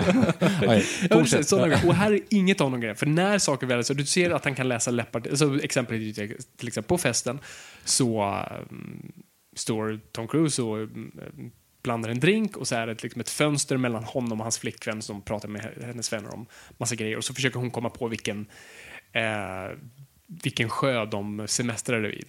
Och han, via hans läppar så ser han att det är de det är det de pratar om och sen så svarar han henne Mm. utan ens hört konversationen och alla, ingen förstår varför. Och där planteras två grejer. Ja, det, det är jättesnyggt. Lake uh, Wakanda höll jag på att säga. Ja. Eh, Jag kommer inte ihåg, och, skitsamma. eh, och att han kan läsa läppar. Ja. Och sen så vet vi ju då sen när han blir tillfångatagen av IMF Mhm. och han är med Bill Kudrup, Prosit. tack, ehm, så börjar han bara mima till honom. Mm. Och då fattar vi. Det, för hade de bara lagt det där så hade folk sagt ah, ja men det, det är en sån där ex-makerna. Men nej, vi, vi förstår hur och varför. Och, det är, ah, och sen Lake Wakanda är även då det de refererar till. Han måste verifiera att hon är hon. Mm. Ah, det, är så, och det, det är bara två av dem. Det är hur många såna här grejer som helst som jag hade glömt bort nu när vi såg. Bara shit, det där, det där, det där, det där. Det är så bra smart skrivet. Och det är JD på manus men också Orca och Kurtzman som skriver ofta tillsammans. Och de två brukar inte göra bra saker tillsammans. De gjorde Transformers-filmerna och eh, Star Trek var ju i och för sig bra. Um, i och för sig, My name is Khan. Ja, mm. Och eh, men sen framförallt The Mummy. Ehm, och eh, gud vad den här funkar bra. Och det är ett lokomotiv och att den rör sig hela tiden Ja, framåt. den, ex- alltså, ja, gud ja. Du sitter ju på edge of receipt hela tiden. Det är en helt annan bollplan. Alltså det här kanske är det moderna, riktigt, det som Mission Impossible-franchisen som vi känner igen den, börjar där. Helt klart. Ja, de andra två är lite så egna små bubblor. Liksom. Mm. Men du har ju ändå JJ Abrams, du har ju dina lens flares och du har ju jättemycket närbilder, skakiga här närbilder. Inzoomningar, Ja. skarpa sådana och högintensiv action. Och, och, och det är ju det som var, alltså, när Cruise och JJ utvecklade storyn, uh, det här har jag berättat förut tror jag, i Tom Cruise-avsnittet, men uh, de gick ju igenom storyn först helt utifrån story och karaktär. Mm. Och sen la de in actionsekvenserna. Ja, det är coolt. Istället för att bygga som man oftast gör, alltså som gamla Bondfilmer eller som actionfilmer, man bygger det runt sekvenserna. Men här var det, nej, storyn måste funka först och sen så lägger vi in sekvenserna, eller actionsekvenserna. Och det funkar. Och det roliga är att den, den, och den här är den första fil- filmen som fattar att publiken bryr sig inte om eh, plott och prylar och saker. Så att eh, The Rabbit's Foot, som är då själva grejen de ska komma åt, förklaras aldrig vad det är. Ingen bryr sig vad det är. Och sen han ska hämta det i Hongkong. Vi ser inte hur han får det. Han bara får det, för det är inte väsentligt. Han bara flyger ut genom ett fönster Precis, på för låg våning. Liksom. Ja. Han säger han är tillbaka om fem minuter och sen efter tolv minuter så hoppar han ut bara. Ehm, och det är sådana grejer. Den här filmen förstår exakt varför vi är där. Vi är där för att se Tom Cruise göra konstiga grejer. Det är intressant dock, det är inte så mycket coola stunts i den här. Nej, han springer ju upp för väggen där i, I Vatikanen, det är typ det. Och så gör han i Bappa Boopy-scenen där i- innan med DHL-bilen. Exakt. Ja, det är ett coolt stunt. det är ett coolt stunt. Han snackar ju ändå italienska Ja, liksom. absolut. Eh, med med dialek dialekten och fingrarna och allt. Eh, Bappa the Boopy. Che cosa? Bappa the Boopy. Ehm, men så, så det är också fascinerande. Just att det finns ingen, den bästa typ Tom Cruise-sekvensen är den här superlånga springsekvensen som de aldrig klipper i. Den är typ 20 sekunder lång. De bara springer längs vattnet där i, i Kina. Också speciell scen, för det är ju inte ett coolt stunt, citationstecken, utan det är bara så här. Snubben springer. Men jag måste säga, jag har typ glömt bort hur... Alltså, I alla de här, de tre senaste åtminstone, så är det ju scener... De är ju, alltså Mission Impossible-serien är ju experter på att ha så här... Det här, okej, det här är spännande i sig. Den här lilla grejen som är här, det är spännande. Men vi lägger också till den här stora grejen som också är spännande. Plus att vi lägger till den här klockan som gör det ännu mer spännande. Precis. Så när du har till exempel den här scenen med att du räddar eh, agenten som Mm. i första scenen. Eh, så hon håller på att dö. Liksom. Vi måste lösa det och så slänger vi på en militärhelikopter. Och skjuter missiler. Ja, så skjuter missiler som jagas och det är en massa så här, vindkraftverk Precis, så det de måste undvika det till den. Plus att de ska rädda henne och istarta hennes hjärta. Och sen trillar den ut och de måste hålla Ja, precis. det, det händer saker hela tiden, så att de kastar bara saker. Samma sak när eh, de ska ringa och säga att han har rabbit's foot. Mm. Liksom. Det är två minuter kvar. Du måste ringa och göra det och då kastar de in så här, biljakt i Shanghai och alla skjuter på alla och det bara exploderar Och de överallt. har ingen eh, Och de mottagning. har ingen mottagning. Och det är så här, det är så här, de bara kastar saker på skärmen hela tiden. Så de är så här, det, det är typ men, två gånger per film i alla de tre senaste har ju varit Ja, den verkligen. typen av Det är grejer. kaka på kaka på Ja. kaka på kaka. Vilket gör att man sitter bara, men för i helvete vad spännande det är. Och det är det, ingen franchise kan, kan ta det. Mm. Nej. Alltså de står helt själva där. Och på ett bra sätt. Jag säger inte att någon annan ska göra det. Bond ska inte göra det. Det är inte det Bond är till för. Die Hard ska absolut inte göra det. Utan det, det är det här Mission Impossible är bra på, det de ska hålla sig till. Spännande grejer och det enda de, jag tycker de här alltså Bond-filmerna och de här har gemensamt, det är ju stuntsen.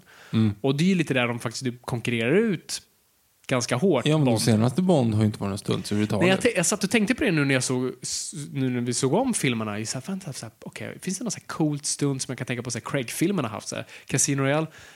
Ja, det är det, är, det är bilscenen. Han springer igenom en gipsvägg, det är coolt, men det är inte, det är inte riktigt det du bygger en trailer på. Ehm, och så här, han hoppar från eh, kranen. Det är typ Mm. de två grejerna som är lite så här, oh. Men inget så här, superstort. Quantum of Solace sa ingenting. Okej, jag ska göra så här då. Eh, det här är ett väldigt enkelt test som Mm. jag kom på precis nu och du har typ redan sagt det.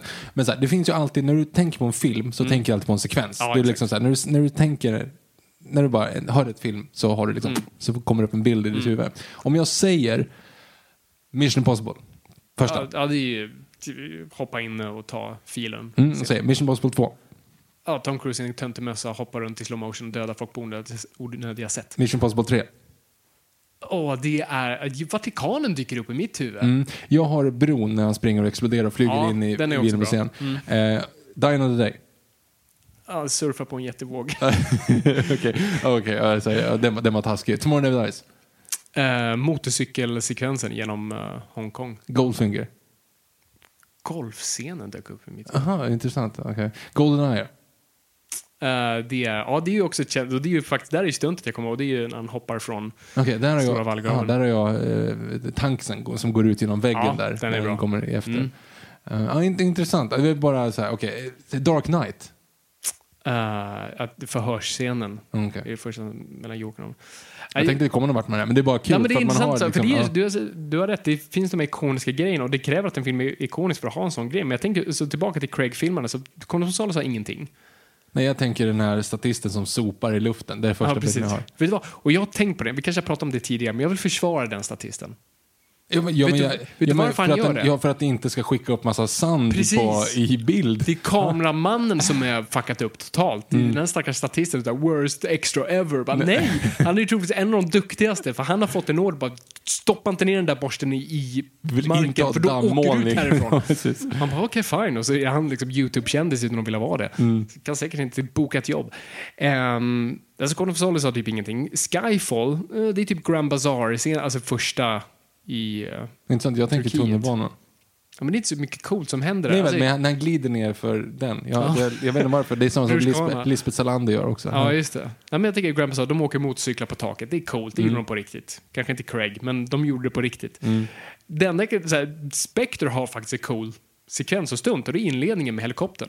Det Mm. är sådär, oj, det där var ballt. Det där gjorde de på riktigt. Inte med Craig i, men de gjorde det på riktigt. Tom Cruise hade varit Tom i det Cruise där. är ju i, ja. Han hade kört den, vilket han typ kommer göra. Han kommer Ja. göra nu en sån här Ja, konstig jag- volt i den nya. Vars namn vi har glömt bort. Eh, Ja, jag har bara retcon. Men det är ett ord. Det är ingen Det är- sån här, nej, ingen pond of wood, utan Nej, det är nej, typ nej. bara dead stroke, death fall, night fall. Ja, något sånt där. Utility tänker jag på, men det är inte alls det den heter. Men för den heter ju något sånt där. Alltså det är ju någonting med liksom Ja, men, ja, men det heter disavow. Uh, ja, skit, samma. Re- re- reaction. Ro- ro- rum- rum- Ja, revolution. Skit, samma. Ja, men Rooftop. den här filmen tycker jag är perfekt på alla sätt och vis. Alltså den gör det den ska göra, den gör det perfekt och det kan inte bli bättre. Ja, Och den- den är, och, vi, och vi tänkte på att den är, den är snart 15 år gammal. Och den ser ut att vara gjord igår. Mm. Nej, jag, jag, jag tycker det är på något vis, ja, jag, jag tycker det är perfekt. Den är så välkonstruerad från botten upp. Och sen så har du ju den här lilla plotten, plot twisten att, att det är typ så här chefen, fast man inte chefen utan det bara den andra. Och Ja, det, är så här, det, är standard, så är det Ja, alltid. så i är det de här. alltid. Eh, vilket också. Skyfall typ har lagt in, att det ska vara lite så här, Ja, det är Ja. infiltrerad. Ja. Mm. Nej, fast en, man ser a mile coming Mm. i Skyfall. Precis. Ja, nej. Eller nej, Sky, eh, Spectre är ju för fan, inte Men Skyfall. Spectre har väl... Jaha, du menar... Ja. Ja, ja, där också. Moriarty. Mm. Mm. Ehm, s- ja, ska vi hoppa vidare? Vi hoppar vidare efter de här meddelandena.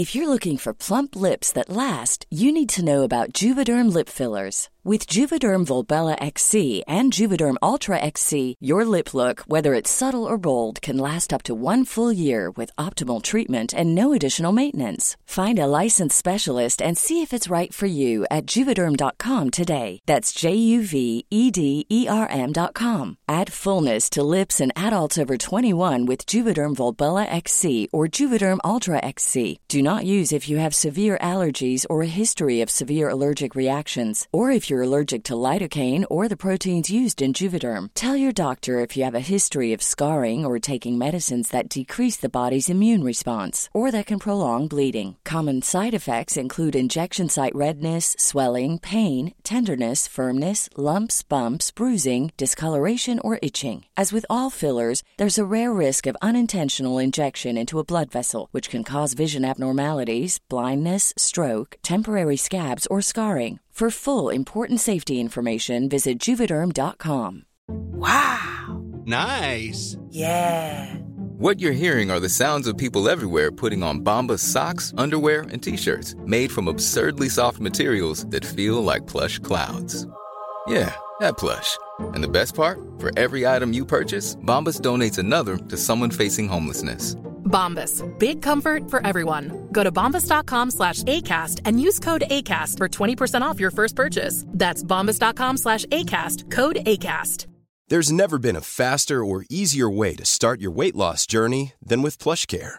PlushCare accepts most insurance plans and gives you online access to board-certified physicians who can prescribe FDA-approved weight loss medications like Wigovi and Zepbound for those who qualify. Take charge of your health and speak with a board-certified physician about a weight loss plan that's right for you. Get started today at plushcare.com slash weight loss. That's plushcare.com slash weight loss. plushcare.com slash weight loss. Nu ska vi se vad du är gjord av. Oh, just det. Eh, sex år senare. Mm. Här var det ju lite snack om att Paramount ville byta ut Tom Cruise. Mm. Han pushade 50. Han... Här börjar vi se kanske stjärnan dana lite. Han kunde inte riktigt hålla filmer själv utan var oftast tvungen att koppla till en franchise för att gå Men, plus. men vad hade han precis gjort här tänkte jag säga? ja, vad är det? 2011? Vad har han gjort då? Alltså, Det är ju innan... Eller, Jack det, Reacher efter. ja. Edge of Tomorrow Efter. efter. Equilibrium, Elibrium. Efter. El, Elub, vad, ja, nu, vad det nu heter. Ja. Ja, vad fan har han gjort innan? Han kanske, inte han kanske hade lite så här... Kanske hade lite paus där. World World till 2005 också. Ja, precis. Så där var det en stor peak och allt sånt. Så det var nog en liten paus där tror jag för Cruise. Ja, Men, eh, Killgissarpodden. Så, ja, verkligen. Så att, men Paramount ville byta ut honom. Men det ville Cruise inte höra någonting om. Så att han var mån om att verkligen sätta sin prägel på det här. Så han tar ännu en gång in ett wildcard. Brad Bird. Som är mer känd för animation. Alltså Iron Giant och Incredibles va? Incredibles, precis. Inte en live action-snubbe. Men det, det är snubben de vill ha. Ehm, och de tar in, så, men här är JJ med fortfarande. JJ är med nu som producent. Bad Robot har sin stämpel på det. Så vi har två gamla Alias-författare som, som knappar ut manuset. Och det är då Ghost Protocol. Yes. Med Micke Nyqvist. Med Micke Nyqvist. Och det här är en konstig film för mig. För jag tycker väldigt mycket, jag tycker om den, Ja. men Den är inte så bra. den är inte så bra. men sekvenserna är fantastiska. Ja, nej, jag, det låter lite töntigt men jag, jag håller med faktiskt. Alltså grejen är så här, när jag såg om den nu i förrgår. Och då, när jag, jag kommer ihåg att jag såg den när den kom och tänkte så här, fy fan vad fräckt. Det var ändå liksom så här, det är ingen, ingen dunder, dunderbra story så, men, men det var ändå liksom fräck. Och sen när man tänker tillbaka på den, ungefär som jag beskrev tidigare, så bara så här, ah, Burj Khalifa, det är det du kommer ihåg. Och sen bara så, men, och ja just det, jag kommer också ihåg den här skärmen, Ja, precis, projiceringsskärmen som är jätte... Tekniken finns inte, men det är ändå jävligt coolt. Du att köper det, det. liksom, Ja, för tekniken är snygg. Liksom. Men sen bara så här, men, men vad, vad ville skurken? Varför bryr vi oss? Varför är han svensk? Varför Varför, är svenskar besatta av kärnvapen? Ja. Han, jag gillar dock inledningsscenen. Inledningsscenen är en av de bästa. Eh, och här gör de en smart grej. Alltså nummer ett, det är coolt att presentera han till ett fängelse. Långt hår nu, så Ja, nu, är, nu är vi rätt. Eh, håller på coolt med stenen där. Ja. Men vad framförallt den sekvensen gör, mer bara den är väl, väl genomförd och bra, men framförallt ser de till att göra en viktig detalj här, att göra han sympatisk. Ja, att han räddar sin polare. Han vill gå tillbaka in i skiten för att hämta en polare, för Ja. det är rätt sak att göra. Mm. Nej, det är, det är helt rätt. Och, ja, det är en viktig aspekt tycker jag. Mm. Och gav den här karaktären vi vet lite om och kanske inte bryr oss så mycket om egentligen, men ge- ger honom en till aspekt att han bara inte är en mördare. Mm. Alltså det är där skillnaden, alltså James Bond är ju inte en spion, han är en lönnmördare.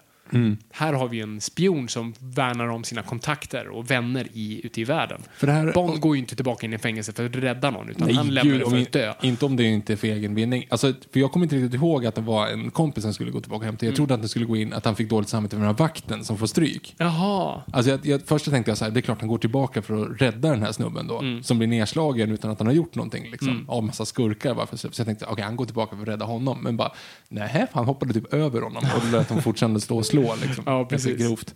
Ja. Och här spelar de ju också på humorn mycket mer, vilket jag uppskattar. Och det är väldigt smart humor. Det är väldigt lite vad, för jag tänkte just, för jag trodde först Bird hade skrivit den. eh, för jag tyckte det kändes väldigt mycket som Bird-film. Men det är det ju inte. Men sen slog det mig just att all humor är nästan visuell. Det är blickar, det är rörelser, det är hur kameran är, är, är placerad. Alltså just den här grejen när han öppnar fängelsedörren. Och det kommer ut en jättestor snubbe. Jättestor. Som egentligen är typ 1,85 men Ja. jämfört med Tom Cruise. Så. Ja, exakt. Och Tom Cruise bara backar, Mm. ger honom en blick. Säg inte ett ord. Säger inget ord och snubben går förbi. Alltså den där bra, fin humor. Och också mellan Benji och honom över övervakningskameran där. Det är bara Mm. blickar och rörelser. Och Bird är ju ex expert på rörelser. Det är ju, alltså, komma från animation vet exakt hur rörelser fungerar. Och det, det är en film väldigt mycket mer rörelse. Alltså tillbaka till skärmen. Mm. Alltså alla de där bitarna. Det handlar väldigt mycket om hur saker rör på sig och, och effekten av det. Så alla de bitarna gillar jag. Men, eh, och det jag också, det jag också gillar med den, att den ifrågasätter franchisen. Menar Alltså du? du har ju, maskerna funkar inte. Du har meddelanden som inte förstörs. Aha, ja, just det. Ja. Och framförallt att hela IMF upplöses och allt sånt där. Så att den här filmen är mer för att ifrågasätta både franchisen men också hela Ringer det operationen. en klocka på Skyfall här igen? Ja, det precis. Att, att dekonstruera det vi känner till. Ja. Att gå emot förväntningarna. Mm.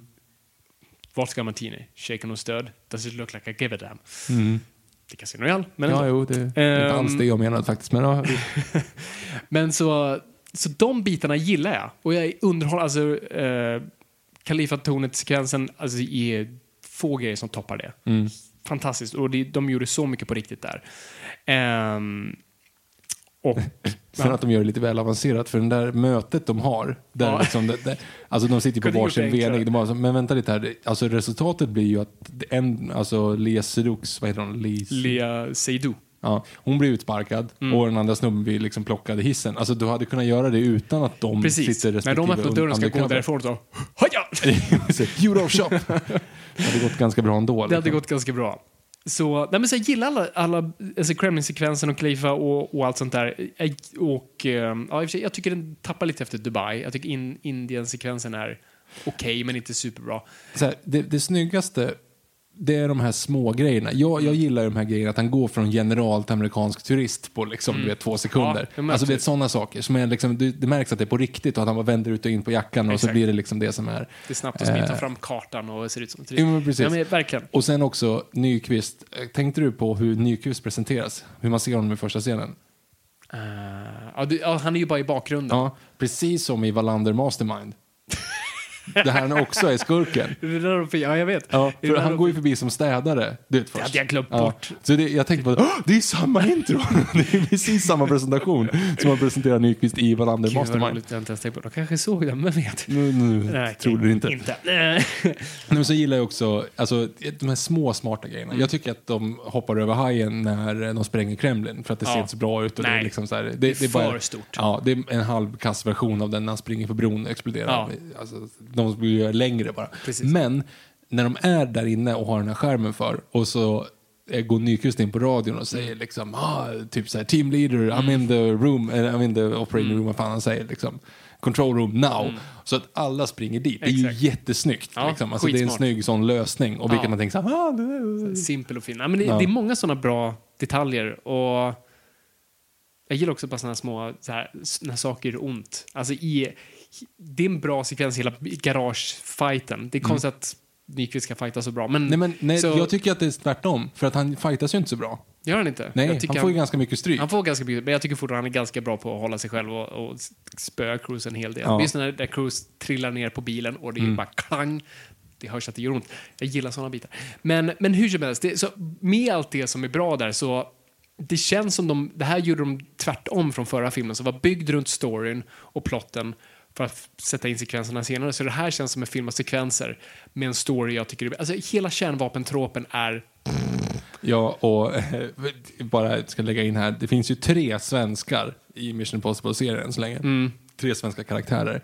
De heter då sådana svenska namn som Kurt Henriks, Jannik Winter och Ilsa Faust. Ja. det bara Jag har massa kompisar som heter så. Ja, precis. Eh, han heter Kurt Henriks med CK på slutet. Ja, är det- som, som whiskyn. Man kanske skulle bara frågat några så här, heter folk sådär? Ja, Kurt möjligtvis kan Kurt du hitta någon som heter. Det är inte jättevanligt, Nej. sådär, men Men låt det gå liksom. Ja. Men Ilsa, ja. Mm. Ilsa Faust, nej. Janik Winter, det är väl inte så många som heter Winter heller. Mm. Men vänta, nu, nu är vi ju på fel film. Ja, men de kommer sen ja. Ja, precis, men Kurt. Henriks är ju den här och sen Ja, kommer två exakt. svenskar i nästa film också. Jag men de försöka. tre svenskarna är liksom inte Ja, det är kul att vi har haft så, så många svenskar i Men han håller ju ett brandtal på svenska. Ja, som är så då... Uh. Ja. Mhm. För man märker de skriver det för engelska. Och tillbaka till det här att så här, svenskan inte har så många bra, bra vokabulär. Mhm. Så att det låter riktigt cheesy när man hör den, den svenska översättningen. Men det är ju det är bara vi svenskar som fnittrar, resten bryr sig inte. Ja. Ehm. En, bara en till, ett sån här som vi pratade om förut, när det händer en sak och bara kastar man massa saker på skärmen så blir det Mm. mer spännande. När han hänger på utsidan av Burj Khalifa, som om det inte räcker, så strejkar ena handsken, Ja. plus att det kommer en sandstorm. plus att han är pressad om tid, att han måste göra det på typ tre minuter. Exakt. Det är en till sån grej när de bara så här, händer saker hela tiden. Liksom. Mm. Nej, men det, är- det är en jättebra sekvens. Och Mm. med handskarna. Blue is glue, red is dead. Mm. Ehm, nej, men så, så jag, jag tycker här, av de här nya, tre nya, tycker jag den här är den svagaste av den nya liksom, eran av det. Ja, men det Den är har- roligast eh, och har bland de bästa sekvenserna, men jag tycker inte det, det är den jag så här, minst tänker på och inte så här, tycker är så är kul i sig. Ehm, Måste säga, eh, Jeremy Renner, här var ju inte han jätteinne i Marvel-franchisen och var inte Hawkeye med hela världen. Nej. Liksom, än, utan här hade han väl typ bara gjort ett Town va? Och typ, han var ja, Hurt Locker som Ja, Hurt kanske var Locker hans också. stora Alltså, break. han är ju grym i den här. Mm, han är han är ju skitbra. Alltså, Ja, för annars, det tänker man inte på i Marvel-franchisen, men Nej. det är en jävla grym skådis. Eh, han är jävligt bra. Det var bara en, en Mm. liten så här anekdot som jag hade, jag hade skrivit ner här också. Renner i sitt esse. Man är väldigt bra. Och sen också en liten brasklapp. Typ den bästa, ja, en av de bästa, kanske den bästa skurkdöden. Eh, han ramlar ner för en... Han hoppar självmant. Ja, just det. För att han, han, hellre... självmord. han hellre för att han vet Ja. att då försvinner väskan med mig ner och Cruise kommer inte hinna till. Mm. Och jag och så kör att en han bil var från 15 våningen bara rätt ner Ja. i backen. Liksom. spritt galet. Men jag gillar den att han var övertygad från början till slut. Det handlade hela tiden om idéerna. Nu var inte idéerna så bra, men jag gillade den fanatismen i det. Så det tyckte jag. Sen så också, de, de skriver ju ut frun på ett lite speciellt sätt. Eh, Fast ändå inte. På sen då inte precis, men fram till sista fem minuterna så tror Mm. man att Jeremy Renner då eh, de, alltså grejen att de hade, då hade Tom Cruise och hans fru flyttat till Kroatien Mm. och eh, Jeremy Renner skulle då vakta frun typ. Mm. Eh, eller vakta dem. Alltså, jag vet inte om man var anställd av IMF eller om man var någon annan, men de, de skulle i alla fall liksom, så här, se till att de inte skadades. Och de visste inte om att de fanns. Så att, och sen så uppenbarligen då så, så går Cruz ut och springer och sen så blir hans fru mördad medan han är borta. Så han går dit och mördar sex stycken serbiska nationalister och därför hamnar han i fängelse. Men sen på något vänster så finns hon ändå och hänger med någon annan snubbe och man, hon ger en blick som inte är så här, Ja, jag fattar inte riktigt. Så här, de har alltså sagt hej då till varann. Mm, men hon typ ja, det, så här... jag, jag tycker den är lite konstig. De, det byggs mer för en twist än vad det är. Ja, fast jag tycker hellre att de hade, alltså för det blir så här, det är ju också lite fult, alltså den här grejen bara så här, alltså lite James Bond-grejen, Mm. vad hände med förra? Ah, she died. Alltså du vet, det, det blir lite, jag tycker att det är lite dåligt att de dör Mm. mellan filmer, lite Alien Covenant-grejen liksom. Ja, Jeff Goldblum, he got better. Ja, Ehm, jag får åt andra hållet. Fast det är böckerna så det har ingenting med filmerna att göra. Skitsamma. Okej. Ehm, ska vi gå vidare? Mm. Till då, vad är det nu, 2015? Yes. Ehm, som verkar vara ett spiontätt år. Det var...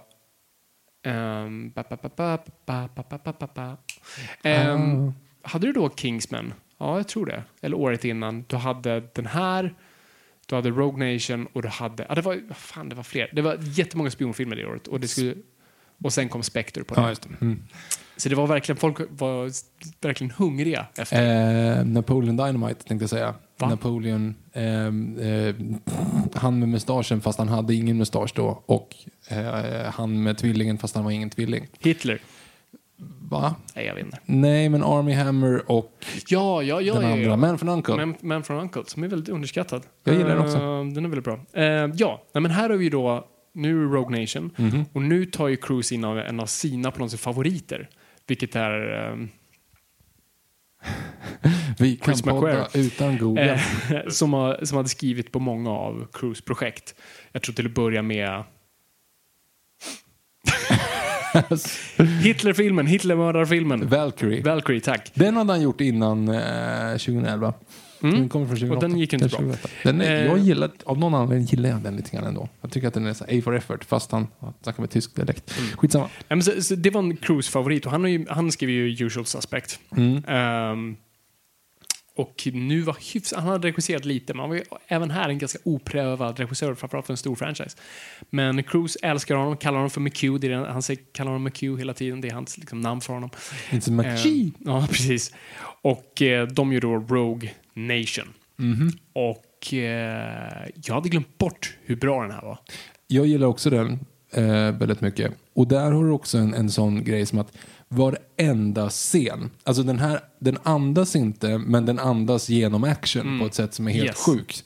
Alltså, hela den undervattensscenen Mm. är ju helt brutal. Precis, Alltså jag visste inte vart jag skulle ta vägen. Och det är samma sak där, det är fem grejer samtidigt. exakt. Det är liksom slut på luft, fel kort, snurrande grej, ingen Han ska igenom. Han ska igenom, de måste hitta grejerna, det, måste, det går på, att vet, allting är samtidigt. Precis, och sen motorcykeljakt. Ja. Och det är lite som du säger, det, det var väldigt bra. Jag har inte tänkt på det på det sättet, men du har faktiskt rätt med i form av andning i de här actionsekvenserna. Just för att du har en inandning i vattensekvensen och en utandning i motorcykeln. Alltså de, de, de spelar mot varandra men på ett bra sätt och det är hela tiden eskalering. Nej, men alltså, jag tycker McQuarrie är otrolig. Alltså, han är manusförfattare och han har ju skrivit den här, eh, inte själv såklart, men, eh, men man märker att han verkligen vill få saker att funka innan han börjar regissera.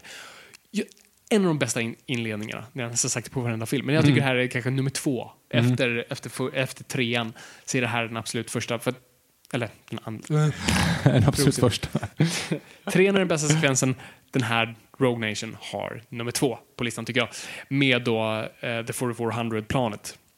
Fast samtidigt, alltså fängelsescenen. Ja, nej, jag tycker om det. filmen. Nummer ett är på grund av musiken. Och det är ju ännu en gång eh, Michael Giac- Giacchino. Han som gjorde eh, till tv-spelet The Lost World. Precis, och nu gör Jurassic World-franchisen, eh, musiken då alltså. Eh, och han har ju gjort musiken sedan trean. Och det de gör så bra, jag brukar lyssna på det här tracket, jag rekommenderar första tracket på Rogue Nation, eh, som heter 4400. Och det är ett, en uppdelning av eh, Mission Impossible-temat.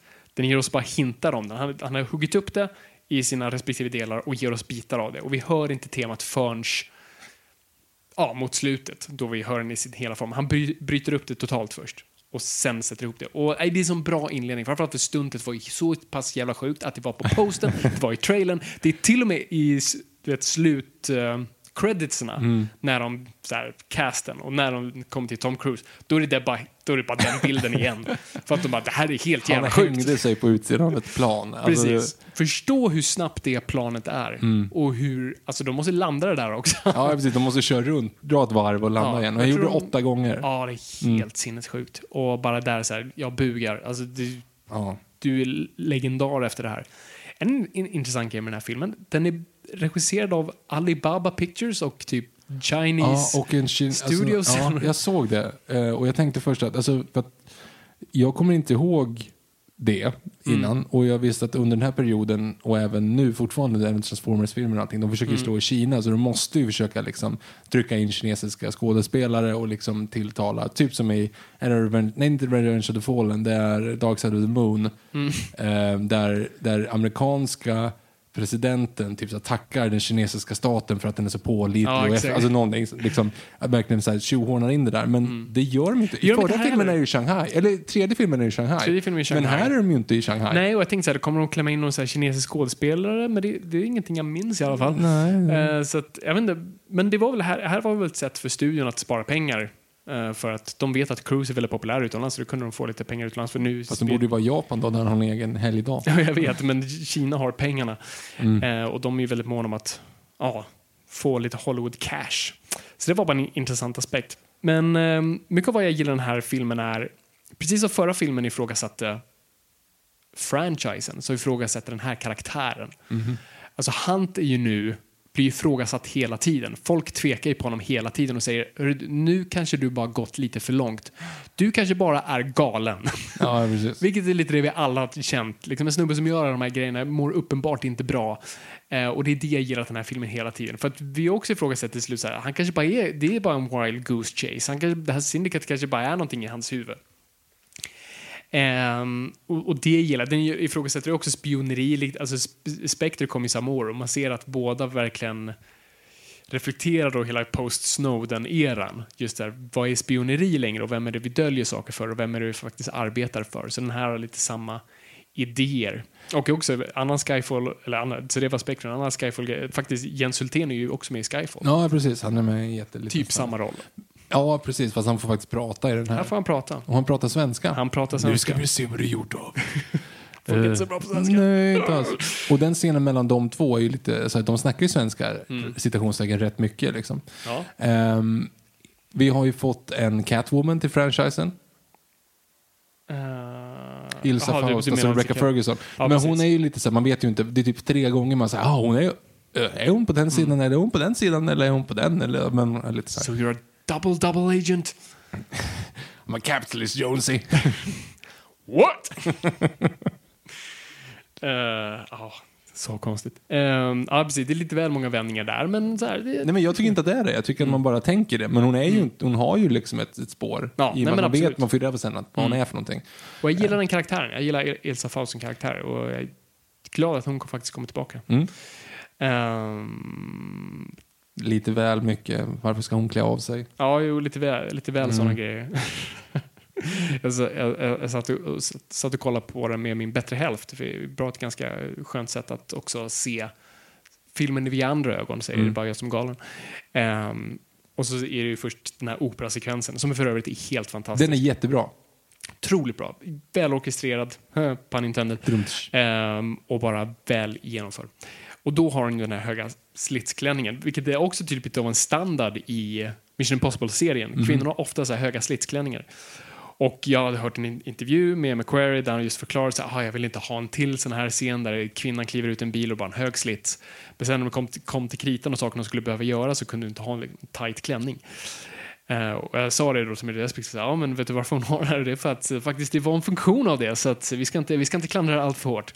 Sen hade jag glömt bort resten. Ja, men sen så kom, sen kommer ut, ut pool och- ja, men så kommer upp i en pool och tänker man så men jag tänkte lite samma sak. Mm. Så här, först med slitsen och sen så när hon kommer upp i, i poolen där, så håller hon ändå andan och sen så får de en referens till det sen när hon ska ner och dyka. Så, Okej, hon kanske tränar på att hålla andan. Mm. Precis, och jag s- sa också och där- jag tänkte så här, men så det är lugnt. Och sen så dyker hon ner och ska rädda Cruise och då har hon inga byxor på sig. Och man så här, ja fast det är klart hon hade en klänning, kanske är svårt att simma. Och sen så i nästa scen bara, nej topless, fan, Ja, fan det. alltså. För, för just med just först bikinisekvensen så den respektive bara så här, "Ah, fan, och så, "Ah, ingen ass shot i alla fall.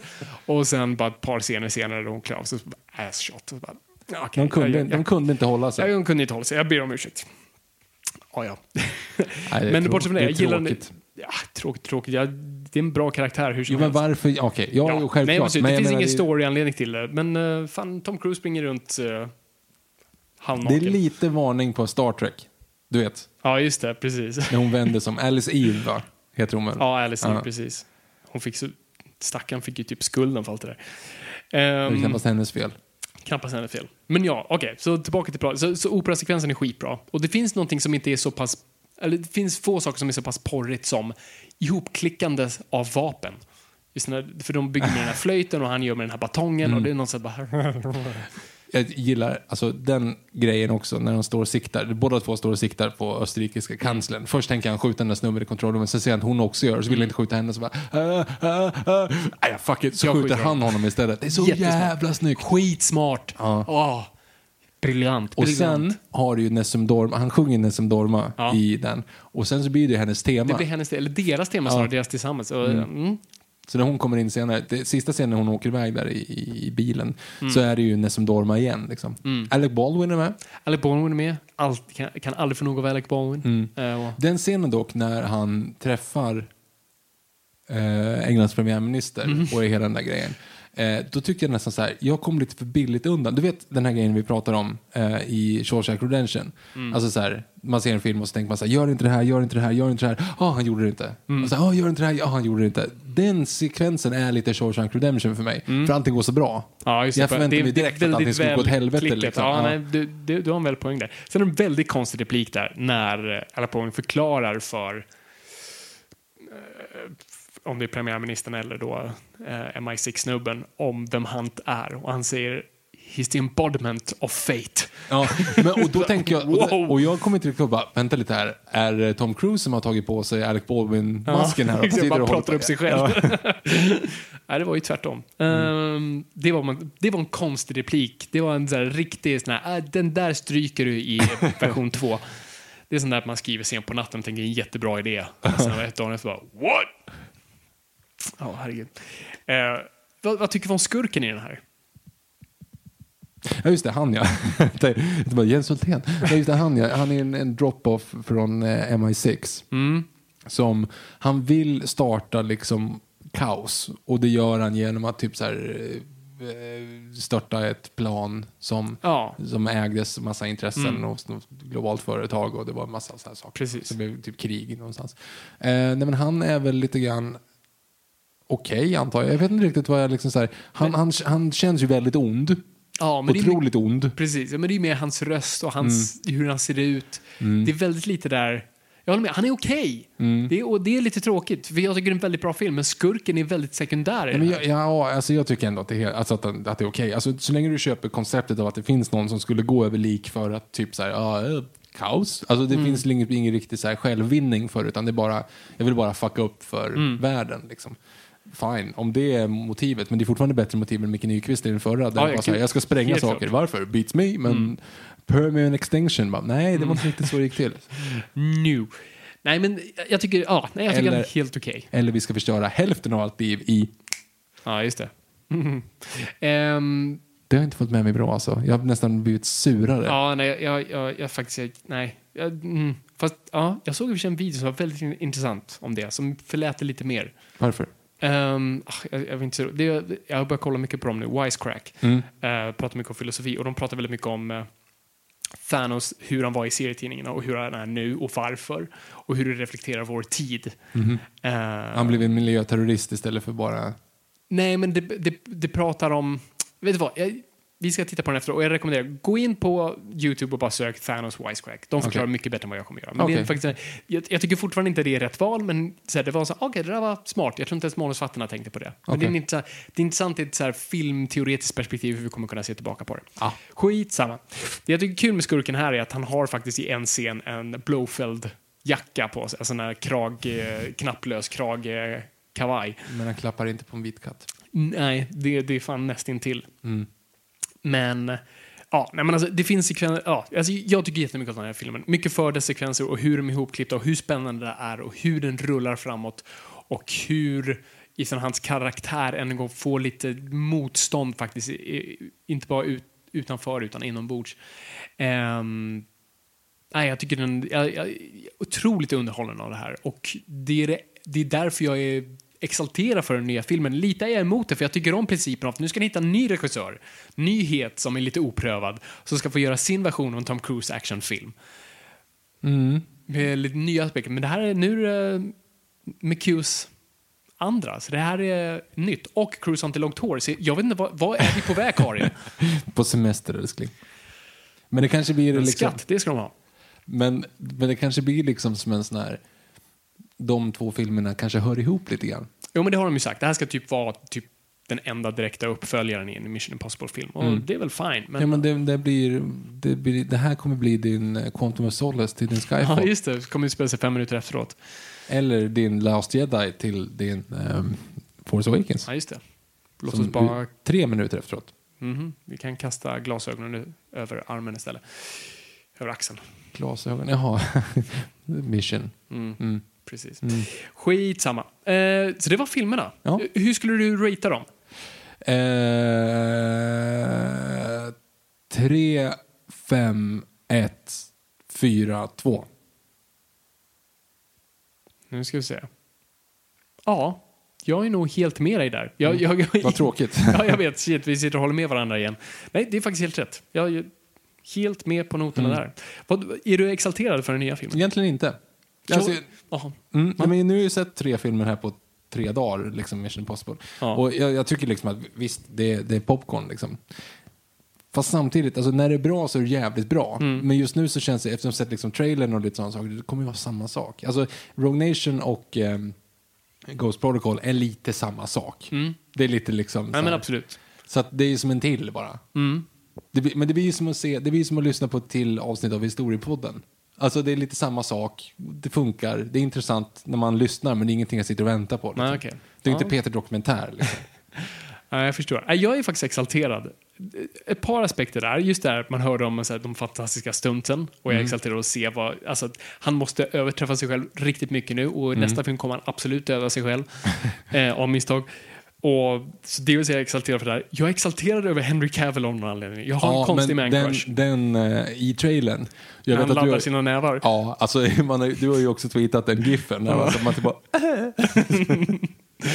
Det är, det är fantastiskt. Jag är otroligt exalterad bara där. Mm. Jag är exalterad över McQuarrie. Jag rekommenderar att följa honom på Twitter, för det har gjort mig taggad. För han, är väldigt mycket, han, har, han har mycket tid. Han är en typisk manusfattare, så han har mycket tid på sina händer. Så han gör mycket sån här, alright, Q&A for half an hour. Och så svarar han på massa frågor. Mm. Han har allt med väldigt mycket humor och bara väldigt mycket ironi i hans svar. Men väldigt så kul, en inblick i hur han, i hur han jobbar.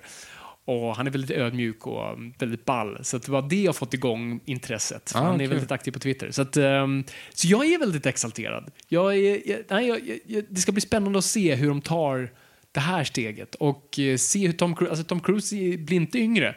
Han är snart 60. Mm. Så vi får se hur många fler han kan göra. var det inte tugg om att Jeremy Renner skulle göra en Born Legacy? Alltså det vill säga ta ju- över. Ja, det- men, jo men en motsvarande på den här. Jaha, vadå för Mission Impossible? Ja. Inte vad jag har hört. Att hans karaktär, ja, men jag, tror, jag tror jag läste på Trivian på IMDB Mm. att, att när de tog in honom i Ghost Protocol så var tanken, de skrev tre filmer med honom, för att han skulle axla manteln om Tom Cruise blev för gammal. Vilket var ironiskt, för det var precis det som hände i Born Legacy, sen det var det ju samma, var det ju han som blev liksom. Precis. Ja, jag är tveksam på att det kommer ske här. Ja, nej, nej, men det var tanken Eh, från för början. Renners stjärna har, har gått ner lite. Mm. Men äh, det blir intressant för att Cruise, det där kom- kommer vara Cruise svaghet lite för att han vägrar ju lite erkänna sin ålder känns det som. Det är aldrig reflekterat Mm. Han i filmerna. foten i det här Ja, i den här. ja. Mm. Och det har ju varit mycket skrivet om och mycket klipp och sådär. Så de har ju verkligen utnyttjat det, vilket är jättekul. Men Så att jag är osäker på om vi kommer se en Skyfall, det kommer vi inte se här, men i en kommande film då, vi, då han är en gammal avdankad föredetting. Han kommer aldrig få Han göra kommer inte göra det. Så Det kommer jag, så jävla intressant att se för övrigt Top Gun Maverick på just den. Mm. För han kommer ju behöva göra sin Skyfall moment i den. Troligtvis. Ja. Men ja, jag är osäker. Han, och han gör ju det bara, jag är 100% att han gör det för att han får fly, han har i sitt kontrakt att han ska få flyga ett flygplan. Så att han kommer inte vara generalen som sitter i kontrollrummet. Utan han ska upp i, I ett jaktflyg. Ja. yes. Ja, nej, det blir spä- spännande. Så, ja, jag, jag tror vi har det. Vi har det. Vi har det där. Jag hoppas att ni fick ut någonting av det. Eh, hoppas vi har taggat er inför filmen. Vi kommer recensera den här, för att jag är så pass taggad så vi ska köra en recension på den här. Yes, box. Så det kommer väl ut om eh, en eller ett par veckor. Mm. Eh, så ja, vi har ingenting mer att tillägga va? Nej. Nej, jag Nej. tror det är bra så. Hoppas ni har en trevlig sommar. Detsamma. Hoppas det, ni njuter av den otroliga värmen. Hej framtiden. Ehm, Till skillnad från och- mig som jobbar tre veckor till. Så Ja, jag det. kommer lagom ha semester när det står nu så här, regnet kommer äntligen om 14 dagar. Exakt. Så var försiktiga där ute. Grilla för guds skull inte. Och eh, ta det lugnt där ute. Jag tycker vi bommar igen där. Det gör vi. Tack så jättemycket för att ni har lyssnat. Det är kul att vara lyssnad, men kom ihåg gott folk, ingenting är för nördigt.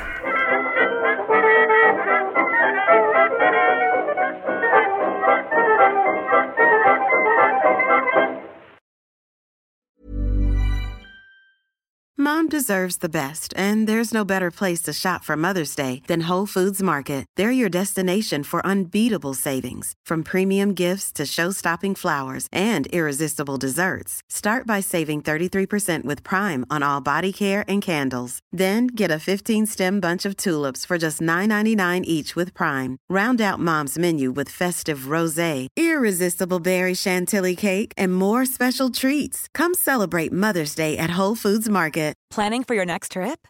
Elevate your travel style with Quince. Quince has all the jet setting essentials you'll want for your next getaway, like European linen, premium luggage options, buttery soft Italian leather bags, and so much more. And is all priced at 50 to 80% less than similar brands. Plus, Quince only works with factories that use safe and ethical manufacturing practices. Pack your bags with high-quality essentials you'll be wearing for vacations to come with Quince. Go to quince.com slash pack for free shipping and 365-day returns.